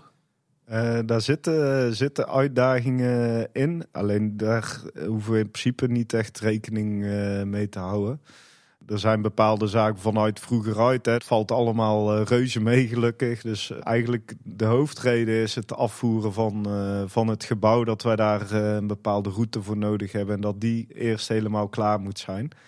En in de fasering hebben we ook nodig dat de infra dan al verlegd is. Ah, okay. nou, we hebben opgehelderd. Ja. ja. Hey, ik ben trouwens nog wel benieuwd even over het afscheid van het spookslot. Er werd natuurlijk van alles rond georganiseerd. Een boek, een pin, een spooknacht, een officiële sluiting, noem maar op. Zijn dat zaken waar je ook bij betrokken bent? Of volg jij dat alleen op de zijlijn? Uh, in principe volg ik het op de zijlijn. Uh, het is niet geheel uh, te ontkennen dat ik er niet bij betrokken ben. simpelweg omdat wij buiten al een aantal zaken hadden gedaan. Wij hebben wel geprobeerd zoveel mogelijk inzicht te geven in wat, hoe ziet het spookslot eruit als dat laatste weekend er is. want wij ontkwamen er niet aan om, om al bepaalde werkzaamheden te verrichten. Ik wist ongeveer wat, er, wat het idee was. bijvoorbeeld de spooknacht wist ik wel dat er een spooknacht was en ongeveer wat er kwam. Maar ik ben toch even zelf gaan kijken om hem ook te beleven. Omdat in dat detailniveau laat ik me ook graag verrassen. Dat snappen wij helemaal. Wat betreft Dans Macabre kunnen we je vooral heel veel succes wensen de komende anderhalf jaar of zo. Want ja, de eerste project is nou echt gekomen, de eerste attractie. Ja, dat succes zal ik nodig hebben, denk ik. Maar uh, dat gaat goed komen. Kijk, we spreken je graag over anderhalf jaar bij de opening. En dan uh, willen we het eens uitgebreid hebben over het hele proces. Waar we het nu natuurlijk niet over kunnen hebben om begrijpelijke redenen. Ja. Nou, maar juichen jullie vanaf de zijlijn toe, hè? Mooi, ja. De reacties zijn tot nu toe positief. Hè, dus. Kijk, we volgen het op de voet uh, bij Kleine Boodschap. Het is tijd voor de uitsmijters. Die stellen al onze interviewgasten. Het idee daarbij is dat je het kort mag houden. Maar we weten hoe dat bij de Efteling uh, wel eens gaat. Kleine boodschap kort. Ja, kleine boodschap kort. heb je in je carrière tot nu toe binnen de Efteling echt een hoogtepunt? Ik heb daarover nagedacht, want ik wist dat de vraag zou komen. Um, heel eerlijk, niet echt één. Ik denk dat in de algemene noemer het grootste compliment is dat ik nu dit project al mag doen. Snap dat ik is voor mij wel. Uh, dat is wel mijn hoogtepunt dat ik dit überhaupt nu uh, uh, mag doen. En tegenover hoogtepunt staat natuurlijk ook een, een dieptepunt. Is er, al, is er al een moment in die zes jaar Efteling tot op heden dat je zegt van nou toen, toen zat ik wel even slecht? Toen de uitspraak kwam dat wij de uitbreiding op de Horst niet gingen doen. daar zat ik ook al bij, was ik ook al bij betrokken toen de tijd. Ehm, nog niet zo lang als het gehele projectteam. Maar ook voor mij was dat wel echt een tegenvaller. Ja. En bedoel je het moment dat de Raad van State daar uitspraak over deed? Of dat intern is besloten, we gaan eens focussen op binnen het park? Uh, nee, Raad van State. Oké. Ja, die uh, gaf eigenlijk meteen een hele doorslag. joh, dit gaat wel even duren. En daar gingen natuurlijk bij ons meteen een alarm bij. Oké, dit wordt een langer, langer traject. Uiteindelijk misschien ook wel die kans gegeven dat je dus dit project kunt draaien. zou best wel eens kunnen, ja. ja. Geluk bij een ongeluk. Ja. Uh, heb je ook een allermooiste herinnering of een leuke anekdote die je met ons kunt delen? Uh, ik, heb, ik heb een hele leuke herinnering. En dat is eigenlijk uh, dat is vorig jaar geweest. Dat ik met een klein team van Dans Macabre. om elkaar te leren kennen en echt een team te vormen, zijn we gaan kamperen. Oh. En dat vond ik echt, echt geweldig. Dat, dat, dat wij die mogelijkheden ook krijgen om als projectleider dus zo een team te vormen. En ja, ik denk dat we daar nu de, de vruchten ook van plukken. En ook ergens in een bos bij een oude abdij of zo? Of dat dan, Ja, zo kun je het noemen. Maar het was Café de Efteling. ja, dus wel oud, maar geen abdij. Nee. Ook wel spooky daar. Ja. ja. Wat is eigenlijk als je, als je terugkijkt naar de, de afgelopen zes jaar de, de belangrijkste les die je uh, tot op heden hebt geleerd? Of misschien zijn het er meer? Uh, ik denk specifiek in mijn rol is uh, laat het team beslissen. Uh, dat gaat tot een bepaalde hoogte natuurlijk. Maar uh, zolang het team zelf de beslissing maakt, doorloop je het proces eigenlijk uh, het, het meest efficiënt. Durven ze de beslissing niet te maken om wat voor reden dan ook, dan kan ik daarbij helpen om zelfs die beslissing te laten nemen. Bijvoorbeeld het slopen van een spookslot.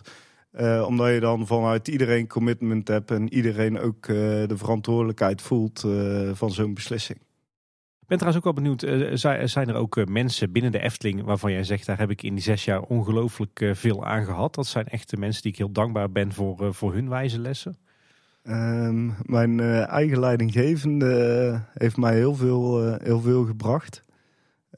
directe collega's uiteraard. Ik kwam van een aannemer af en dan is dit een hele andere wereld om in te werken. En ik heb altijd wel de steun uh, gevoeld of de expertise om dat gesprek aan te gaan. Hoe iemand iets uh, zelf uh, op zou lossen en wat ik daar dan van zou kunnen leren. Een vraag van een heel andere orde. Ben je zelf eigenlijk Efteling-liefhebber? Of misschien een beetje geworden? Um, ja, niet, niet zoals jullie. ik vind het park schitterend. Ik vind het bedrijf schitterend. ja, ik heb er sentiment mee. Um, maar ik ben er niet mee getrouwd, zeg ik altijd. Uh, en ik denk dat dat in mijn rol uh, ook wel uh, meewerkt. is dat ik af en toe ook minder geëmotioneerd naar iets kan kijken. Um, en ook dat zit hem natuurlijk in de balans. Maar ja, ik, ik ben wel een Efteling-liefhebber, maar niet, niet in hart en ziel, zou ik het zeggen. Geen gekkie. Geen gekkie. Ik, nee. heb, ik heb een verschil gevonden, Tim, tussen de twee Tim aan tafel. Ja, ik denk het ja, ook. ja, ja, precies. Hoe, hoe zit jij er dan trouwens in qua, qua andere pretparken? Zou je jezelf ook zien als, als pretparkliefhebber? Of heb je daar ook niet echt dan eh, feeling mee? Eh, ik vind het eh, wel leuk. Ik serieus, ik, eh, ik ga er wel graag naartoe. Ehm, ook eh, als eh, een vergelijkbaar onderzoek. Eh, hoe doen andere parken het? Maar in een, eh, in een achtbaan stappen, daar maak je mij wel echt, eh, echt blij mee. Ja. Kijk, Ja. mooi. Hey, als we dan even naar de Efteling eh, kijken. Hè, wat- is dan jouw, jouw mooiste plekje hier in het park? Ja, dat blijft voor mij het Sprookjesbos. Dat is toch het DNA van alles wat we, wat we doen. Zelf twee kleine kinderen. En als je ziet hoe die daar doorheen rennen en aan het ontdekken zijn. Ik vind dat wel, ja, ik vind dat wel de mooiste plek die we hebben. Heb je nog een specifieke hoek of zo in het Sprookjesbos? Ehm, en niet heel specifiek. Eh, het zijn wel de foto's van vroeger, is de Palstoelengroep. En zelf vind ik het Routenplein vind ik echt een, eh, ja, echt een mooie, mooie locatie. De overeenkomsten tussen de Timmen die eh, beginnen weer Ja, eh, terug. de. Ja. Ik wou al zeggen, geen Eftelgekkie, maar wel een goede smaak. misschien na 2024 dat die plek nog v- verwijzigt. Hè? Maar Hey, eh, heb je zo ook een favoriete attractie in de Efteling? Eh, ja, dat is voor mij eh, de Baron. Ja, ik kan kort over zijn. Eh, ik vind, ik vind de ervaring leuk, blijft leuk. En ik vind het echt geniaal gemaakt hoe, een, hoe een hulpconstructie zo in thema. ik vind dat zo mooi in elkaar geïntegreerd. Dat vind ik echt een plaatje. Heb je ook nog van de andere parken die je hebt bezocht een favoriet daartussen zitten? Buiten de Efteling? Ik heb heel eerlijk gezegd niet heel veel andere parken gezien. En ik, eh, wat ik heb gezien, eh, dan blijf ik toch dat ik de Efteling toch het mooiste vind. Ja, dat hebben wij Ja. ook hoor. ja. ja. En, en op plek 2 dan? Qua attracties en gedurfde investeringen vind ik Europa Park wel interessant. Eh, als je mij vraagt of dat mooi is, eh, nee. Ehm, ik vind eh, hoe wij nu gebiedsontwikkelingen bijvoorbeeld aanvliegen, vind ik veel overtuigender dan te zeggen dat dit gebied Frankrijk is. Maar hun investeringen zoals ze die doen, vind ik wel echt stoer. Dat, eh, als projectleider kan ik die wel, eh, wel waarderen. Zo Rulantica of... eh, Ja, ik ja. snap hem wel, ja. Ik, ik hoorde weer een overeenkomst. Ja, ik hoorde hem ook. Ja? Ja? Ja, ja. Toch nog eens napraten. Keer, Tim. Precies. Ja. Er staat er wel een flink attractieaanbod. Heb je daar al een favorietje tussen zitten? Het hoeft niet per se een Europa Park te zijn, maar in het algemeen een andere favoriet. Ja, eh, deze wens ik ook de Efteling toe. Ik hoop dat dat een keer een project voor mezelf mag worden, maar dat, eh, dat weet ik niet. Is eh, de Taron in Oeh. uh, Fantasieland. Ah, Ja, ja zeker. Die eh, vind ik echt fantastisch. heel goed. Ja, Goede smaak, goede smaak. Nou, Tim, dan eh, wil ik je hartstikke bedanken dat je hier bij de aflevering wil zijn. En dan bedoel ik niet jou, Tim. Valt weer tegen, Paul. Ja, ook fijn dat jij daarbij was weer. hoor. Ja, Eh, Tim, dan dank ik jou wel dat ik hier mocht zijn. En Paul. Vond het leuk een keer mee te maken. Ja, graag gedaan. Ik, ik ben heel blij dat ik meer heb geleerd over jullie werk. Eigenlijk. ja, jij bent er wel van overtuigd, Tim, dat de projectleider best een leuke, leuke baan is. Ja, Misschien, ja dat ik er toch? ook, misschien dat ik er ook eens iets mee moet gaan doen. Ja, dat zou, eh, zou ik zeker adviseren. Geen ja. dagen maar even naborrelen met z'n tweeën. Eh, we zullen een linkje naar jouw LinkedIn profiel in de show notes plaatsen. Dan kunnen mensen eh, jou in de gaten houden daar. Als mensen nou een vraag aan ons kwijt willen, dan kunnen ze die het beste stellen. Nou ja, bijvoorbeeld via Twitter of Instagram. LinkedIn wordt lastig in ons geval. Eh, alle plekken waar wij op social media te vinden zijn, die kun je vinden door naar kleineboodschap.com slash volgen te gaan. Ja, we zijn op LinkedIn ook wel te vinden, maar niet als eh, kleine boodschap. Ja, dat klopt, ja. Nog niet. Nou, dat blijft ook wel zo, denk ik. precies. Ehm, verder kan je ook met ons contact opnemen via het eh, contactformulier op onze website. Dat is eh, kleineboodschap.com. En we zijn ook bereikbaar via mail op info.kleineboodschap.com. Ja, op de website kun je ook alle afleveringen luisteren. Dat zijn ook de show notes die we alle afleveringen plaatsen. En je kunt ons natuurlijk ook luisteren via je favoriete podcast app. En we zijn ook te vinden op eh, Spotify. En zorg natuurlijk dat je je abonneert op Kleine Boodschap. Zeker. En als je een rating kunt achterlaten ergens, kunnen we ook altijd enorm waarderen. En ook als je aan een eh, bekende is meldt. Misschien zijn er nog meer Tims die projectleider zijn in Nederland. Nou, dan is dit de uitgelezen aflevering om die eens te tippen, denk ik. ja, dat klopt. Eh, Tim, nogmaals dank. ja, jullie ook. Dankjewel. En eh, luisteraars, dat was weer voor deze week. Bedankt voor het luisteren. Tot de volgende keer. En houdoe. Houdoe. Houdoe.